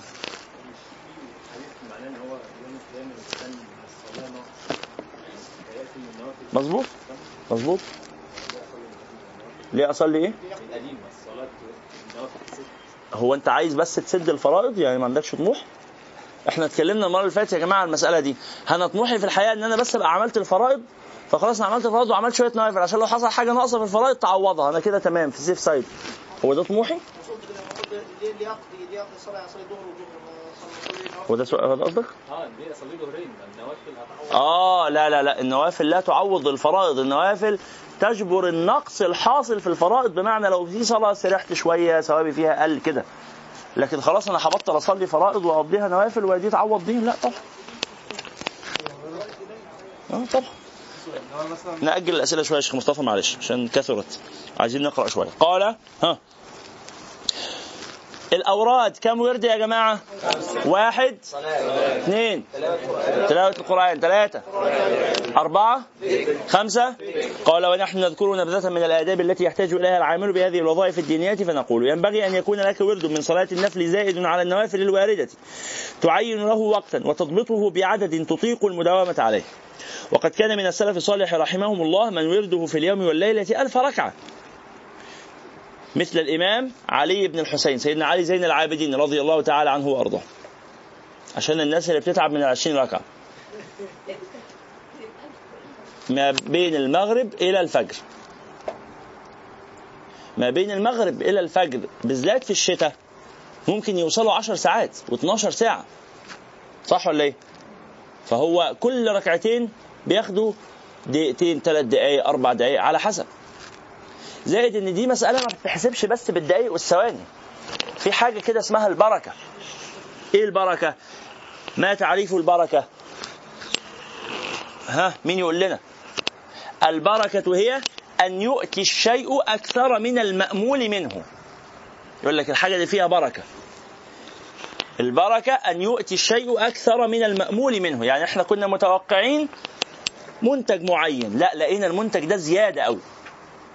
والله إحنا متوقعين إن ال- ال- المكان ده يجيب يعني نفع قد كذا. لقينا النفع بيزيد. آه ده مكان مبارك. لقينا النفع بيقل. يبقى البركة قليلة. إحنا كنا متوقعين كذا فطلع الموضوع أقل. خلاص يبقى في بركة قليلة. طيب نسأل الله السلامة. قال فمن السلف الصالح رضوان الله عليهم من كان يرده في اليوم والليلة ألف ركعة مثل الإمام علي بن الحسين. وعلى فكرة العلماء اختلفوا هو الأحسن تكثير عدد الركعات مع تقليل القيام ولا تكثير القيام مع تقليل عدد الركعات؟ يعني لو حصل لي مثلا ساعة كاملة أصلي الساعة دي بركعتين كل ركعة نص ساعة ولا أصلي هي نفسها الساعة بعشر ركعات أو ب 60 ركعة كل ركعة تاخد دقيقة؟ فهمتوا المسألة؟ أنهي أحسن؟ أصلي الساعة بركعتين ولا ب 60 ركعة؟ اختلفوا العلماء. اختلفوا العلماء. المالكية بيقولوا إيه يا شيخ محمد؟ بيقولوا كلام كويس. الشيخ محمد بيقول لنا إن هم بيقولوا كلام كويس. آه الشافعية الإمام الشافعي رضي الله تعالى عنه وأرضاه قال إن ده اسمه قيام. فباين من اسمه ساعات يستحب تكثير القيام. يبقى نقف أكتر. نقلل عدد الركعات لصالح الإيه؟ القراءة. فلو أنت هتصلي مثلا آه، بجزء صلي الجزء ده على أربع ركعات على ست ركعات. خلاص؟ ده إحنا بنتكلم هنا مش في التراويح. التراويح مقدرة جاية عن النبي عليه الصلاة والسلام. من فعل النبي فعل اصحابه إحنا بنتكلم في غير التراويح. التراويح 20 ركعة. خلاص؟ لكن لو هتصلي بجزء خلي إيه؟ القيام طويل. آه آه. في صلاة الليل آه. وغيره غير الشافعيه قالوا مش عارف الحقيقة مش فاكر. الإمام مالك رضي الله تعالى كان رأيه إيه. بس أنا أظن الإمام مالك وغيره ممن قالوا بأنه لا تكثير عدد الركعات أفضل. وعلى هذا الجمهور. الجمهور قالوا لا نكتر عدد الركعات. وإحنا بالنسبة لنا المشاهد إنه أنهي المتعب أكتر؟ عدد الركعات أكتر. عدد الركعات أكتر. العكس يعني ايا مكان ايا مكان تختلف من شخص للتاني. الركوع والسجود آه كده مجهود. لكن يعني على كل حال بقول لكم ده يختلف من شخص إلى آخر. في اي مكان يعني. قال ها؟ عفوا. أرجح أنا نقل نقلت لك القولين يعني على حسب أنت تحبي. إيه لا في التراويح ما فيش هي مقدرة. في التراويح هم 20 ركعة فعل النبي عليه الصلاة والسلام. لا أكيد 20 ركعة بجزئين أفضل من 20 ركعة بجزء و20 ركعة ب 20 جزء أفضل من 20 ركعة بجزء يعني إحنا خلاص اتفقنا إن على الرقم. هو الكلام في غير التراويح. نكتر لو هنقرأ هو نفسه جزء واحد هو كده كده هقرأ جزء. أقرأ الجزء ده في ركعة واحدة يبقى فضلت واقف ساعة متصلة ولا أقرأ نفس الجزء ده على 20 ركعة. فهمت المسألة؟ هو ده الخلاف. أظن كده إن شاء الله إنه مش عارف الشافعي الإمام الشافعي وافقه في المسألة غيره أم لا. لكن أظن كده إن الشافعية ومن وافقهم يقولوا إنه يستحب تطويل تكثير القراءة وتقليل عدد الركعات. ما قالوش يستحب تقليل عدد الركعات قالوا يستحب تكثير القراءة. يعني فاهمين المسألة؟ يعني ممكن يبقى تكثير القراءة مع تكثير عدد الركعات. ممكن يزود في نفل زيادة في الليل عن نفل عن 20 ركعة إيه المشكلة؟ ما هو سيدنا علي زين العابدين بيصلي ب 1000 ركعة أهو. نعم تستدل على الحقوق أكتر ماشي. كتر خيرك ولا مش كان محتاج الاستدلال ده فعلا صدق ماشي. ما يضرش. لا ما أنت بتفتي بس ماشي. حلو يعني حلو. لا لا حلو حلو. حلو ربنا ينفع بيك. إيه؟ آه لا صح صح. لا ربنا يكرمك ماشي. ألف علينا. إحنا ربنا يبارك فيك يا رب. يلا صليتوا على النبي صلى الله عليه وسلم نكمل. قال ينبغي أن يكون لك ورد من صلاة النفل زائد على النوافل الواردة تعين له وقتا وتضبطه بعدد تطيق المداومة عليه. وقد كان من السلف الصالح رحمهم الله من ورده في اليوم والليلة. خد بالك قال في اليوم والليلة يعني في صلاة نفل بالنهار. آجي بعد صلاة الظهر كده وأصلي خمس ست ركعات ما بين الظهر والعصر. عشر ركعات بين الظهر والعصر. عشرين ركعة بين المغرب والعشاء كما قال النبي صلى الله عليه وسلم.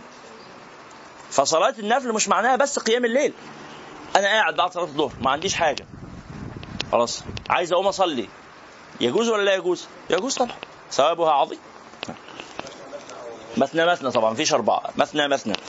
من ليل أو من نهار مثنى مثنى. قال أيوه. وقد كان من السلف الصالح رحمه الله تعالى من يرده في اليوم والليلة ألف ركعة ومنهم من يرده خمسمائة ركعة ومنهم من يرده ثلاثمائة ركعة إلى غير ذلك. يعني في ألف في 500 في 300 شوف أنت عايز تختار إيه؟ عندك ثلاث اختيارات أهو.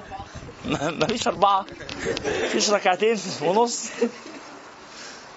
الله المستعان. لا ما يعني ما ما قالهاش. بس عادي يعني لو أنت محتاج يعني ما, ما يعني يعني يجي بقى أبنائنا يكتبوا وقد كان من السلف الصالح من ورده في اليوم أربع ركعات. ومنهم من ورده آه، خمس آه، ستة. ومنهم من ورده اثنين. ويعني الله يضاعف لمن يشاء. نسأل الله السلامه قال واعلم أن للصلاه ها خطير بقى. واعلم أن للصلاة صورة ظاهرة وحقيقة باطنة. ولا يكون من المقيمين للصلاة عند الله تعالى حتى يقيم صورتها وحقيقتها كما ينبغي. فأما صورتها فهي الأركان والآداب الظاهرة من القيام والقراءة والركوع والسجود والتسبيح ونحوها. كل دي أركان ظاهرة. طب والباطنة؟ الحقيقة بقى. قال وأما حقيقتها فهي الحضور مع الله تعالى. وإخلاص النية لله تعالى والإقبال بكنه يعني بوافر بعظيم الهمة على الله تعالى. وجمع القلب عليه وأن يكون فكرك مقصورا على صلاتك فلا تحدث نفسك بغيرها. في شيء؟ وتكون متأدبا بآداب المناجاة مع الله تعالى. دي حقيقة الصلاة. حقيقة الصلاة أن أنت في مناجاة. فالصلاة اللي بتسرح فيها ما ناقصة الأجر. طب ما كلنا بنسرح في الصلاة. آه بس هي المسألة النبي صلى الله عليه وسلم قال إنه إيه؟ لا واعلموا أنه ليس للمرء من صلاته إلا ما عقل منها. أنت كنت مركز بنسبة قد إيه في الصلاة؟ أنا كنت مركز بنسبة 60% وسرحت ب 40% يبقى أنا كأني صليت 60% من الصلاة. أنا كنت مركز 50% ماشي. مركز 40% مركز 5% مركز 2% مركز نص في المية. على حسب. فممكن تكتشف بعد 20 ركعة صلاة إن أنت كأنك صليت دقيقتين. طب أنا واقف بقالي نص ساعة. أنا واقف بقالي ساعتين. بس أنت خلال الساعتين دول رتبت 500 مشروع. ده انت رتبت الخروجه ورتبت السحور؟ ورتبت هكلم مين؟ ورتبت أصحابي اللي ما شفتهمش من زمان؟ وكلمت ح... رتبت هشتري إيه بعد ما أخلص؟ وهروح فين إمبارح؟ ورحت فين بكرة؟ ورتبت كل حاجة. كل الحاجات اللي كنت ناسيها افتكرتها. كل الحاجات اللي كنت ناسيها افتكرتها وأنا بصلي. ونسيتها تاني بعد الصلاة. خلاص؟ ف عارفين الموقف بتاع سيدنا علي بن أبي طالب مع النبي عليه الصلاة والسلام؟ مين عارفه؟ مسألة ال- الصلاة. واحد اتنين. لما قال له هسرح في الصلاة؟ لا مش هتسرح. قال له طب لو ما سرحتش ليا إيه؟ مين عارفه يرفع إيده كده؟ واحد اتنين تلاتة. شوية عارفين. ماشي. نعم هذا سيدنا علي بن أبي طالب. إيه؟ الله يفتح عليك. سيدنا علي بن أبي طالب لما النبي عليه والسلام يعني آه، كأنه قال للنبي صلى الله عليه وسلم يا رسول الله أرأيت إن صليت صلاة لم أشرد فيها أو لم الهو فيها أو يعني لم أفكر في غير الله فيها فما لي؟ يعني هاخد آه، هدية؟ ليا جايزة؟ فقال لك بردي. هدي لك العباية بتاعتك. خلاص اتفقنا. فدخل في الصلاة وخاشع جدا ومركز طول الصلاة. فكاشف أي حاجة خاشع الذهن جدا. إلى أن كان في تشهده. وقبل أن يسلم قال لنفسه ها هي صلاة كاملة خشعت فيها لله تعالى لم ألهو ولم أفكر في أي شيء من أمور الدنيا. أترى يعطيني رسول الله برده الأخضر أم برده الأحمر؟ أنا عملت اللي عليا مظبوط ما سرحتش خالص. السلام عليكم ورحمة الله. السلام عليكم ورحمة الله. يا رسول الله لم ألهو في صلاتي ولم أفكر في أي شيء من أمور الدنيا. فقال ولم تفكر في البرد الأحمر أم البرد الأخضر؟ فيعني من أنبأك هذا؟ قال نبأني العليم الخبير. طبعا ما خدش حاجة سهل صليتوا بينا على النبي؟ قال وأما حقيقتها فهي الحضور مع الله وإخلاص النية لله والقصد لله. وإخلاص النية والقصد لله تعالى والإقبال بكون الهمة على الله تعالى. وجمع القلب عليه سبحانه وأن يكون فكرك مقصورا على صلاتك. فلا تحدث نفسك بغيرها وتكون متأدبا بأدب المناجاة مع الله تعالى. قال عليه الصلاة والسلام إنما المصلي مناج لربه. وقال عليه الصلاة والسلام إذا قام العبد إلى الصلاة أقبل الله عليه بوجهه. ولا ينبغي أن تشتغل بنفل مطلق في وقت نفل ورد في السنة المطهرة من فعل رسول الله صلى الله عليه وسلم أو قوله حتى تأتي على العدد الأكمل منه. يبقى ما تبدأش تحط الورد الشخصي قبل ما تكون كملت النوافل الواردة. فاهمين يا جماعة؟ يبقى عندي عندي فرائض ده الأصل. وبعدين عندي نوافل واردة. ماشي. وبعدين أدخل بقى على المرحلة الثالثة. لكن أنا مقصر في الفرائض. ومتهاون في النوافل الواردة وعمال أحط لنفسي أوراد وما شاء الله وماسك السبحة رايح جاي إيه ده؟ ده هبل. دي دروشة. ده كلام فارغ. ده كلام فاضي. فاهمين المساله؟ نؤجل الأسئلة قليلا قال وقال صلى الله عليه وسلم آه قال ولا ينبغي أن تشتغل بنفل مطلق في وقت نفل ورد في السنة المطهرة من فعل رسول الله صلى الله عليه وسلم أو قوله حتى تأتي على العدد الأكمل منه. فمن ذلك الركعات التي وردت قبل المكتوبات وبعدها. وشهرتها تغني عن ذكرها. معروفة مشهورة. زي ما قلنا ركعتين قبل الصبح وركعتين قبل الظهر وركعتين بعد الظهر وركعتين بعد المغرب وركعتين بعد العشاء. دي كده كام؟ عشر. عشر. تاني نعد مع بعض. ركعتين قبل الصبح وركعتين يبقوا وركعتين بعد الظهر يبقوا وركعتين بعد المغرب يبقوا وركعتين بعد العشاء يبقوا ده الحد الأدنى. جاي دلوقتي فمن ذلك الركعات التي وردت قبل المكتوبات وبعدها. ثم قال ومن ذلك صلاة الوتر وهي صلاة ثابتة مؤكدة. وقد ذهب بعض العلماء إلى وجوبها. سيدنا الإمام أبو حنيفة رضي الله تعالى عنه وأرضاه بيقول صلاة الوتر واجبة. يعني من لم يصلي الوتر فهو آثم. فالمسألة مختلف فيها. لكن العلماء حتى اللي قالوا بأنها ليست واجبة قالوا أن هي سنة مؤكدة مهمة جدا جدا. وقال رسول الله صلى الله عليه وسلم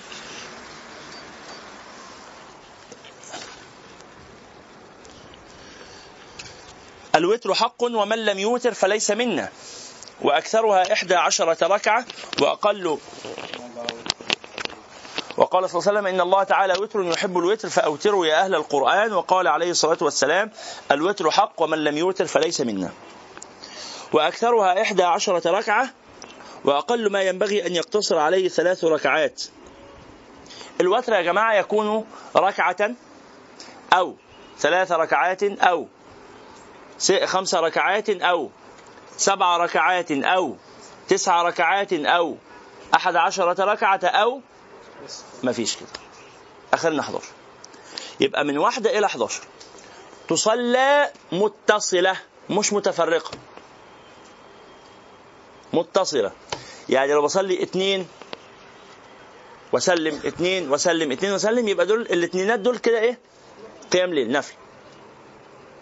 والعدد الفردي المتصل هو ده الوتر. العدد الفردي المتصل هو ده الوتر. واضح؟ 11 ركعة بتشهد واحد. تشهد واحد. أو بتشهدين. في الأخيرة وقبل الأخيرة. في الع- في الحداشر والعشرة.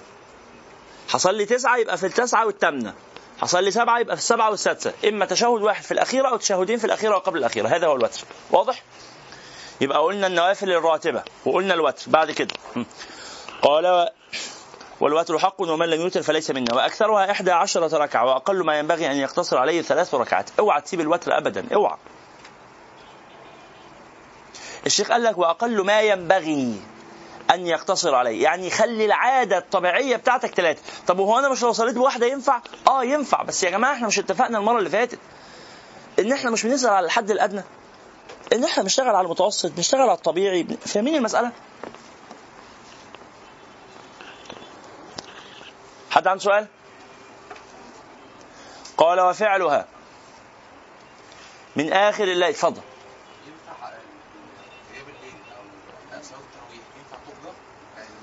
أصلا آه طبعا صلاة التراويح تقضى. كل النوافل تقضى يا شيخ محمد. كل النوافل. باستثناء صلاة الخسوف والكسوف بس. نعم. وصلاة الاستسقاء. نعم دلوقتي مثلا لو إحنا زي ما حصل مثلا هنا صلينا تراويح مثلا 14 أو 16 ركعه صلينا النهارده 18 تمام. بقى لنا ركعتين. طبعا. طبعا. طيب. قال وفعلها الضمير في فعلها يا شيخ اسم حضرتك؟ عمر. يا شيخ عمر الضمير في فعلها كلمة فعلها. فعل إيه؟ الوتر. الله يفتح عليك. وفعلها أي الوتر من آخر الليل لمن له عادة راسخة في القيام من آخره أفضل. يبقى لو أنت عارف ومتأكد عادة راسخة أنت متأكد أنك بتصحى قبل ما الفجر يأذن. عندك عادة راسخة يبقى أجل الوتر وصليها قبل الفجر. طب أنت لا تخاف أنك ما تصحاش غير لما الفجر يأذن لا يبقى صليها في أول الليل. نعم. ما بعدش الصلاة خالص لو فيها سهو حتى لو طول الصلاه كله إيه لو طول- لو طول الصلاه كله آه آه ما بعدش الصلاة. ب- بعمل نوافل بقى بصلي نوافل؟ بصلي ما شئت من النوافل لا ده كان بيصلي بسرعة مش عشان كان ساهي. كان بيصلي بسرعة جدا فكان مفوت ركن من الأركان اسمه الاطمئنان. قال وفعلها اي الوتر. ها اللي مش معاه كتاب يا جماعة ينظر مع أخوه أو مع جاره أو مع صديقه اللي معاه الكتاب. وفعلها مش معاك الكتاب يا سيدنا أنتوا الاثنين مش معاكم الكتاب. أنتوا الثلاثه مش معاكم الكتاب. سلفهم الكتاب. انظر مع أخوك بقى. يلا في حد مش معاه الكتاب؟ ولا اللي جنبه معاه الكتاب؟ اتحركوا كده عشان تبقوا جنب أيوه. يعني تعالى قرب من أخوك اللي معاه الكتاب.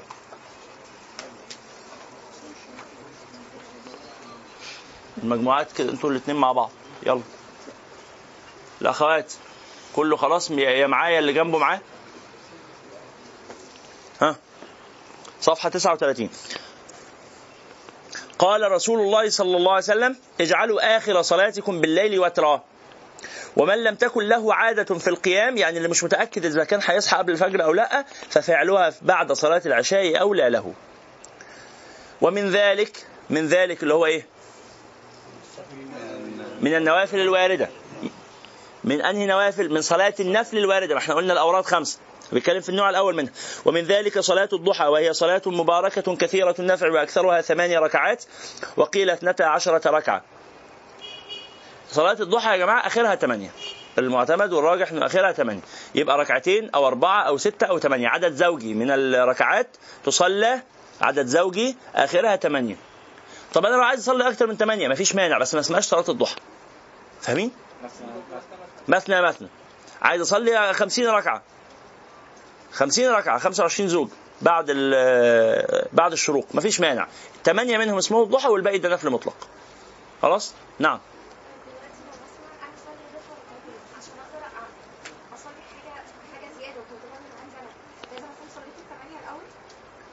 آه لا مش لازم. هتنوي ركعتين بس تنوي بيهم الضحى والباقي ده نفل مطلق مفيش مشكلة. بسم الله. قال ومن ذلك صلاة الضحى وهي صلاة مباركة كثيرة النفع وأكثرها ثمان ركعات وقيل اثنتا عشرة وقد ورد اللي هو ال 12 وأقلها ركعتان وأفضل أوقاتها أن تصلى إذا أضحى النهار. يعني إذا أشرق أشرقت الشمس ودخلنا في النهار. يعني طلعت الشمس بعد وقت الشروق مثلا بتلت ساعة ب 25 دقيقة. إن بقت الشمس طالعة كده دخلنا في النهار. ومضى قريب من ربعه. ده أفضل حاجة إن يكون عدى ربع النهار.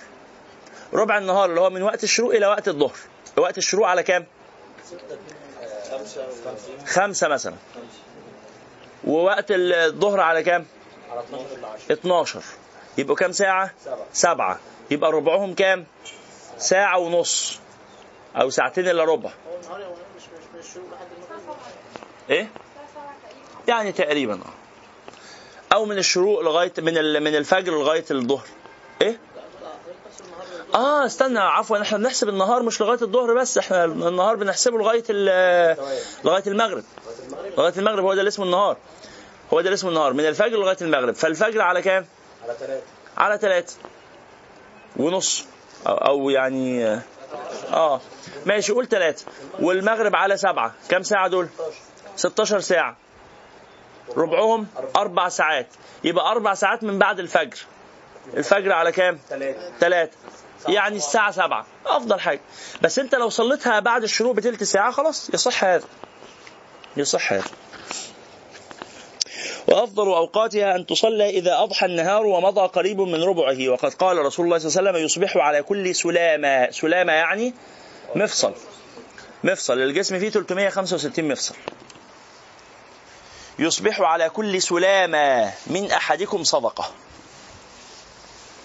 فكل تسبيحة صدقة وكل تحميدة صدقة ونهي عن المنكر صدقة. ويجزيه عن كل ذلك أو يجزيه من ذلك كله ركعتان يركعهما من الضحى. يعني دي صدقة عن كل البدن. ركعة الضحى دي ركعتين الضحى صدقة عن كل البدن. قال فلو لم يرد في فضل هذه الصلاة إلا هذا الحديث الصحيح لكفى. كفاية أوي إنك تبقى عارف إنك بتزكي عن جسمك كله. ومن ذلك الصلاة بين المغرب والعشاء برضو من ضمن الإيه من ذلك اللي هي الايه يا جماعة؟ من ذلك اللي هي السنن الروا... ال... ال... النوافل نوافل الصلاة الواردة. خلينا فاكرين كده ذلك دي بتشير إليه. ومن ذلك اللي هي النوافل صلاة النافلة الواردة الصلاة بين المغرب والعشاء وأكثرها عشرون ركعة بين المغرب والعشاء وأكثرها عشرون ركعة. جديدة أظن دي على حضراتكم. طيب وأكثرها عشرون ركعة. وأوسطها ست ركعات. قال رسول الله صلى الله عليه وسلم من صلى بين العشاءين. العشاءين اللي هم المغرب والعشاء. من صلى بين العشاءين عشرين ركعة بنى الله تعالى له بيتا في الجنة. ممكن نطبق هذه السنة ولو مرة في حياتنا؟ يعني من فعل من من الحاضرين فعل هذه السنة من قبل؟ واحد. الله أكبر. اثنين. آه ماشي بس ما ثلاثة في ثلاثة طبقوها من قبل. الله أكبر. الحمد لله. مين أول مرة يسمع عنها الآن؟ يعلم بوجودها كثير جدا. أغلب الحاضرين. ماشي أغلب الحاضرين. طيب أما وقد سمعتم بها فانشروها. وعرفوها للناس وأحيوها بينهم. وانتظموا أنتم فيها ولو تعملوها كل أسبوع مرة كل شهر مرة. عشرين ركعة بين المغرب والعشاء اتنين اتنين طبعا دايما النافلة اتنين. ومن السنة ها. قال وقال عليه الصلاة والسلام من صلى بعد المغرب ست ركعات لا يتكلم فيما بينهن بشيء عدلن له عبادة اثنتي عشرة سنة. هذا حديث لا يصح. هذا الحديث الأخير لا يصح لكن معناه يعني حسن. يعني ما ثبتش قوي نسبته للنبي عليه الصلاة والسلام. مش متأكدين إن هو أكيد النبي قاله. شاكين. بس المعنى بتاعه جميل. يعمل به في فضائل الأعمال. لا.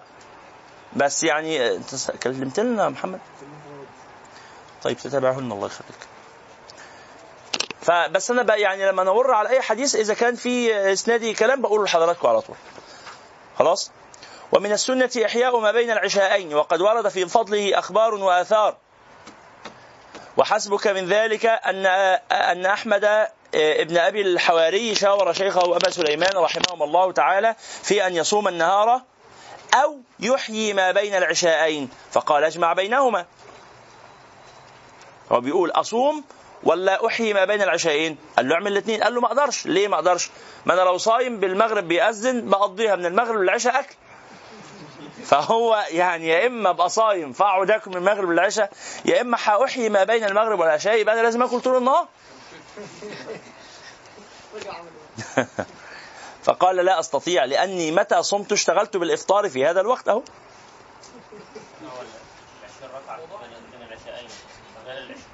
غير التراويح. ركعتين سنة. سنة المغرب حاجة تانية غيرهم. آه غيرهم. العشرين ركعة أو الست ركعات. ممكن إذا يشق عليك العشرين إحياء ولو ست ركعات. يشق عليك إحياء ركعتين. بس تبقى اسمك أحي... ركعتين غير ال... غير السنة. ركعتين بنية إحياء ما بين العشاءين. إحييهم بركعتين بأربعة بستة بثمانية بعشرة باثناشر ب... أي حاجة. فقال له إذا لم تستطع أن تجمع بينهما فدع صيام النهار وأحيي ما بين العشاءين. وقالت عائشة رضي الله عنها ما دخل رسول الله صلى الله عليه وسلم بيتي بعد العشاء الآخرة إلا صلى أربعا أو ستا. وقال عليه الصلاة والسلام أربع ركعات بعد العشاء كمثلهن من ليلة القدر. ثم قال وعليك بصلاة الليل. فقد قال عليه الصلاة والسلام أفضل الصلاة بعد المكتوبة صلاة الليل. وقال عليه الصلاة والسلام أفضل صلاة الليل آه، فضل صلاة الليل على صلاة النهار كفضل صدقة السر على العلانية. ليه صلاة النهار الأصل فيها الظهور الناس صاحية حتى لو في البيت. أهلي في البيت صحيح رايحين جايين وبتاع فشايفيني وأنا بصلي. باين قدامهم الصلاة. طيب زمان يا جماعة كان يستحب آه، آه، الايه الخفاء بالطاعة. في زماننا هذا يستحب إخفاء الطاعة أحيانا وإظهارها أحيانا أخرى. يعني اظهر قدام أهل بيتك إنك بتصلي من الليل ولو ركعتين. أنت بتصلي بالليل ست ركعات خلي ركعتين قدامهم. وبعدين احتاج أنت بأربعة. فاهمين المسألة؟ بس يكون يعني تكون قدوة أو سنة صالحة يسنها يستن بك فيها أهل بيتك إن هم شايفينك بتصلي. إن هم شايفينك بتقوم الليل. انهم شايفينك حريص على صلاة الجماعة. إنه وهكذا. فهمتم هذا؟ حتى لا يكون فعلك مخالفا لقولك. أنت بتحرص بقدر الإمكان. ما تقولش بقى لا والله أنا بحب يبان قدام أهل بيتي إن أنا ماليش فيها. وإن أنا صايع وضايع. عشان يخافوا مني ويعملوا لي حساب. نعم. قال نعرف نعلق يعني. قال وعليك ها بصلاة الليل. فقد قال عليه الصلاة والسلام أفضل الصلاة بعد المكتوبة صلاة الليل وقال عليه الصلاة والسلام فضل صلاة الليل على صلاة النهار كفضل صدقة السر على العلانية. مش خاطف أنتوا معاكم قد كفاني علم ربي؟ مين مش معاه؟ القصيدة قصيدة قد كفاني. واحد اثنين ثلاثة أربعة خمسة ستة سبعة ثمانية تسعة عشرة 11 12 طيب ممكن حد يدلنا نسخة من الناس اللي معاهم القصيدة؟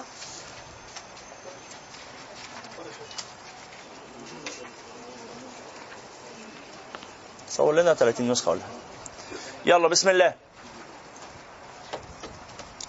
قال وعليك بصلاة الليل. انتهينا منها؟ طيب. قال وقد ورد. ها؟ وقد ورد أن صدقة السر تضاعف على صدقة العلانية بسبعين ضعفا. وقال عليه الصلاة والسلام عليكم بقيام الليل فإنه دأب الصالحين قبلكم. ومقربة لكم إلى ربكم. ومكفرة للسيئات. ومنهاة عن الإثم ومطردة للداء عن الجسد. أيضا هذا الحديث لا يصح. لكن معناه حسن. كل معانيه صحيحة جدا. لكن إسناد حضرتك فهمت يا أستاذ منا إيه معنى لا يصح؟ لأن لأن في لأن الأحاديث الضعيفة بيعمل بها في فضائل الأعمال.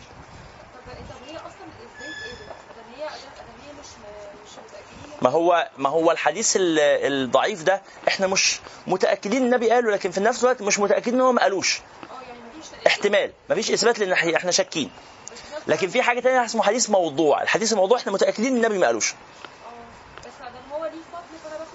بالظبط بالظبط احتمالي بقى ضعيف. نعم. لا يصح ده كلمة عامة أقصد بها ضعيف أو موضوع. نعم أنا عندي مشكله ان كلها افعال افعال افعال بس كده مش هيبقى في جانب قلبي شوية إحنا بدأنا اللقاءات المرة اللي فاتت اللي مرة قبل اللي فاتت في المحاضرة الأولى. حضرتك ما كنتيش حاضرة معانا وقلنا إن الإمام الحداد مدرسة في التزكية تجمع بين الأمرين تجمع بين العمل وإيه؟ وأعمال القلوب. إنه في مدرسة في من مدارس التزكية الكلام كتير فيها قوي عن القلب وعن أحوال القلب وعن عجائب القلب وكده. زي إيه؟ زي المدرسة دي من أهم روادها مثلا سيدي ابن عطاء الله السكندري. المدرسة الثانية لا الكلام كله عن أعمال البدن والأعمال بالجوارح وكده. مدرسة الإمام الحداد الجمع بين الأمرين ولذلك سيأتي في بقية الكتاب إحنا لسه في صفحة رقم 40 وخدنا اليقين إحنا بدأنا المحاضرة الأولى والثانية باليقين والمراقبة. والنية. وبعدين دخل النهاردة على ال- الأوراق. بس الامام عبد العطاء الله يا نفس الامام الشافعي نعم. بسم الله لكن مدرسة الإمام الحداد تابعة لمدرسة الإمام الغزالي حجة الإسلام. نعم. قال واعلم أن من صلى بعد العشاء فقد قام من الليل. يعني لو صليت بعد العشاء ولو ركعتين ده اسمه قيام ليل. وقد كان بعض السلف يصلي ورده من أول الليل ولكن في القيام بعد النوم إرغام للشيطان. يبقى قيام الليل أفضل حاجة ليه يبقى إمتى؟ أفضل حاجة لقيام الليل إنه يبقى بعد ما تنام وتصحى من النوم. يبقى في وسط الليل أفضل حاجة في قيام الليل وسط الليل.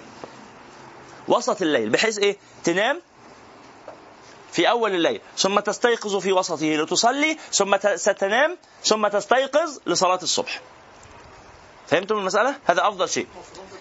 فإن شق عليك فتنام ثم تستيقظ في ثلث الليل لتصلي آه، قيام الليل والفجر. فإن شق عليك تصلي في أول الليل ثم تنام ثم تستيقظ الصبح يبقى أفضل القيام ما كان في أوسطه. ثم ما كان في آخره. ثم ما كان في أوله. واعلم أن من صلى بعد العشاء فقد قام من الليل وقد كان بعض السلف يصلي ورده من أول الليل ولكن في القيام بعد النوم إرغام للشيطان ومجاهدة للنفس وسر عجيب وهو التهجد الذي أمر به رسوله صلى الله عليه وسلم في قوله ومن الليل فتهجد به نافلة لك. وفي المأثور إن الله يعجب من العبد إذا قام من على فراشه وبين أهله إلى صلاته ويباهي به ملائكته ويقبل به ويقبل عليه بوجهه الكريم. واعلم أنه يقبح بطالب الآخرة.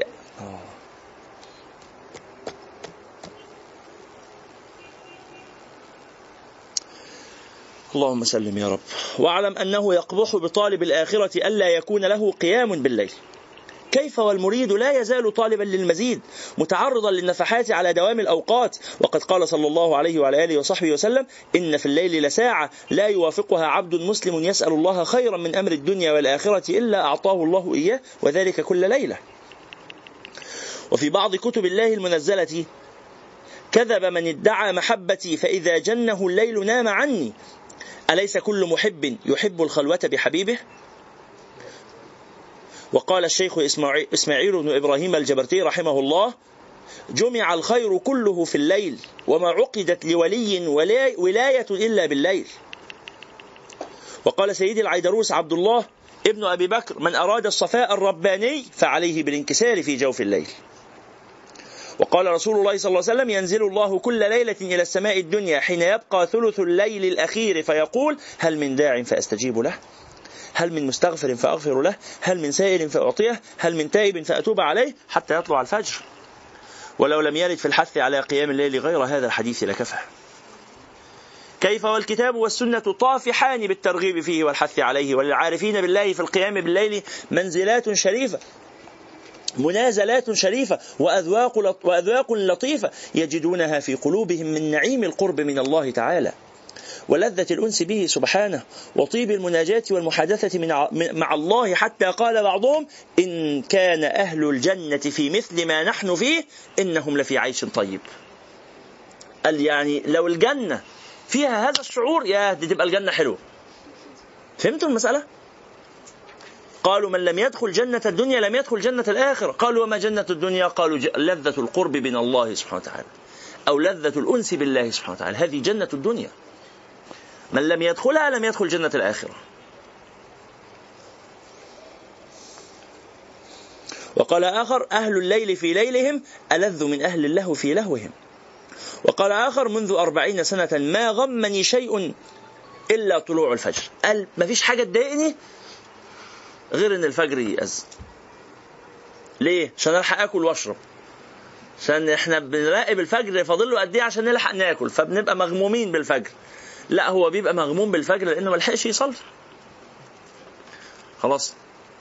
في صلاة التهجد كأن الإخوة بعضهم يعني نبقى بنشوف فاضل قد إيه على المغرب عشان نخلص. تعبنا رجلينا تعبتنا من الصلاة. يلا يا جماعة بقى قد إيه على المغرب؟ على الفجر قصدي. بقى قد إيه على الفجر؟ عشان نصلي الفجر ونرتاح ننام.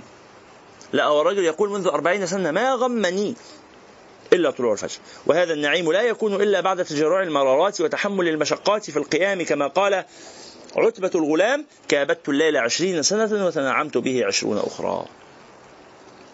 فإذا قلت ماذا أقرأ في صلاتي بالليل؟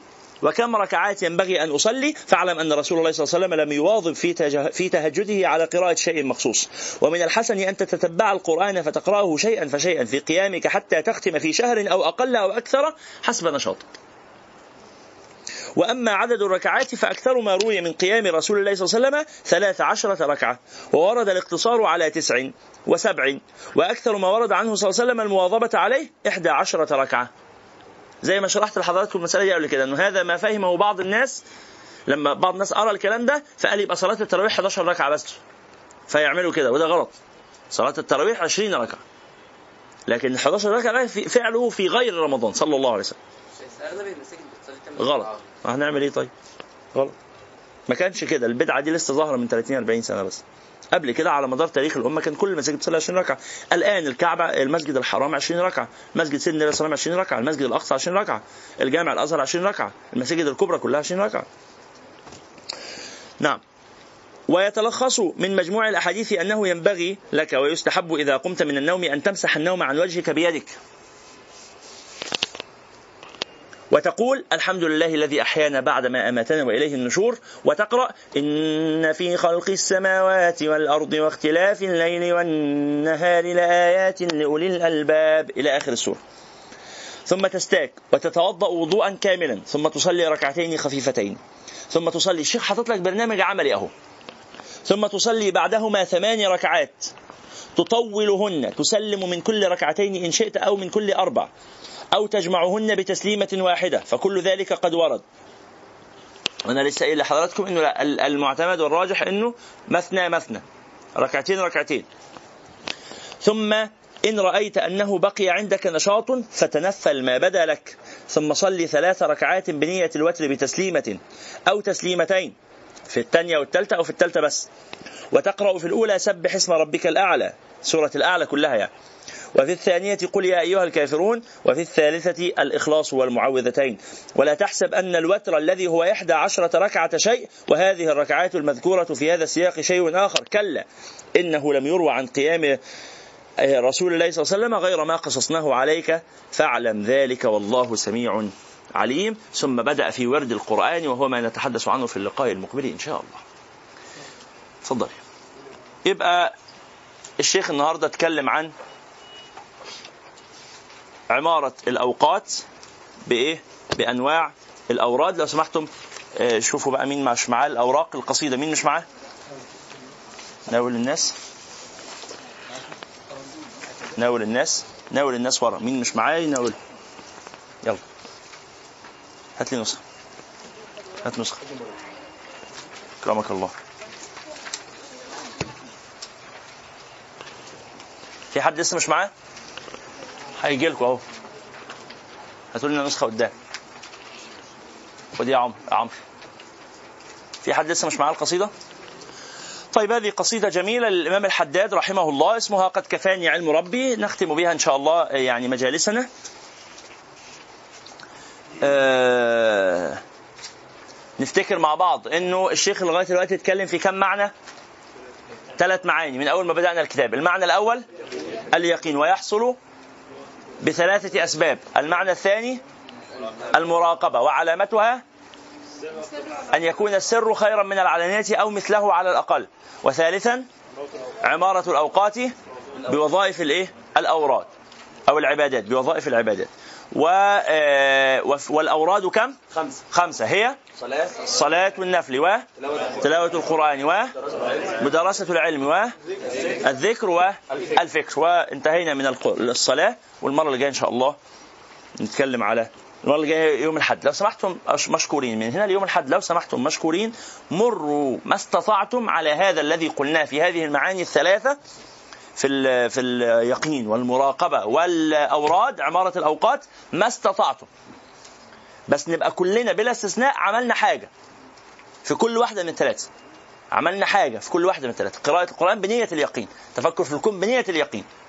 المجاهدة في العمل بنية اليقين. المراقبة الأوراد. اجتهدوا في هذا ما استطعتم. بسم الله.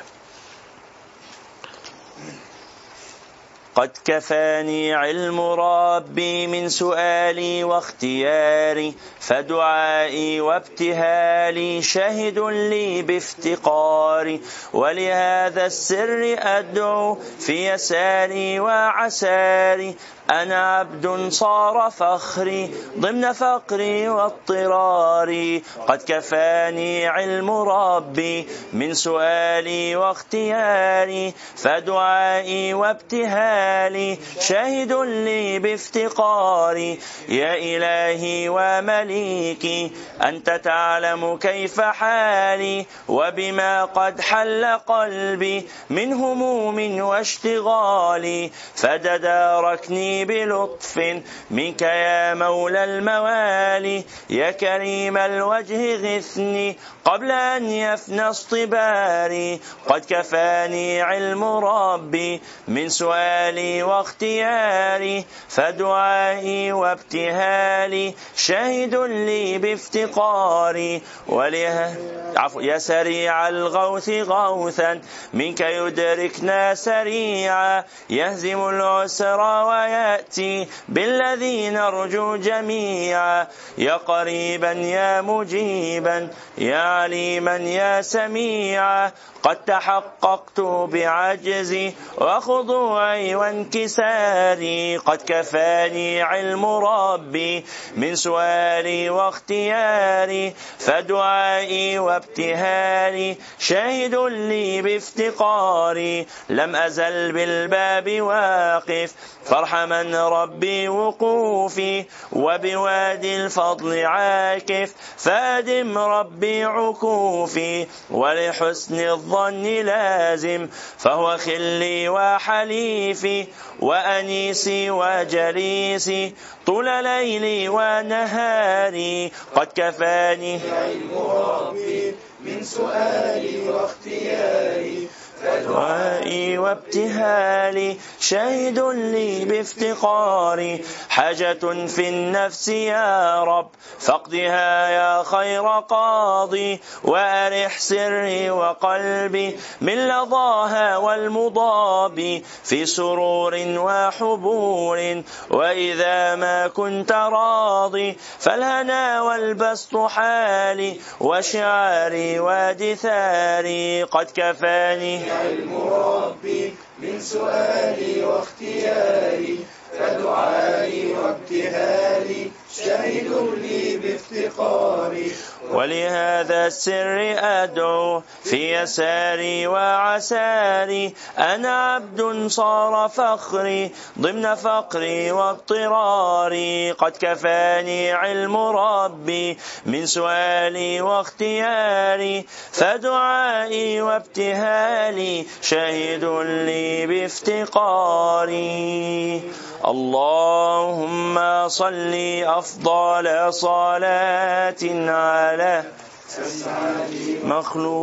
مخلوقاتك سيدنا محمد وعلى آله وصحبه وسلم عدد معلوماتك ومداد كلماتك. كلما ذكرك الذاكرون.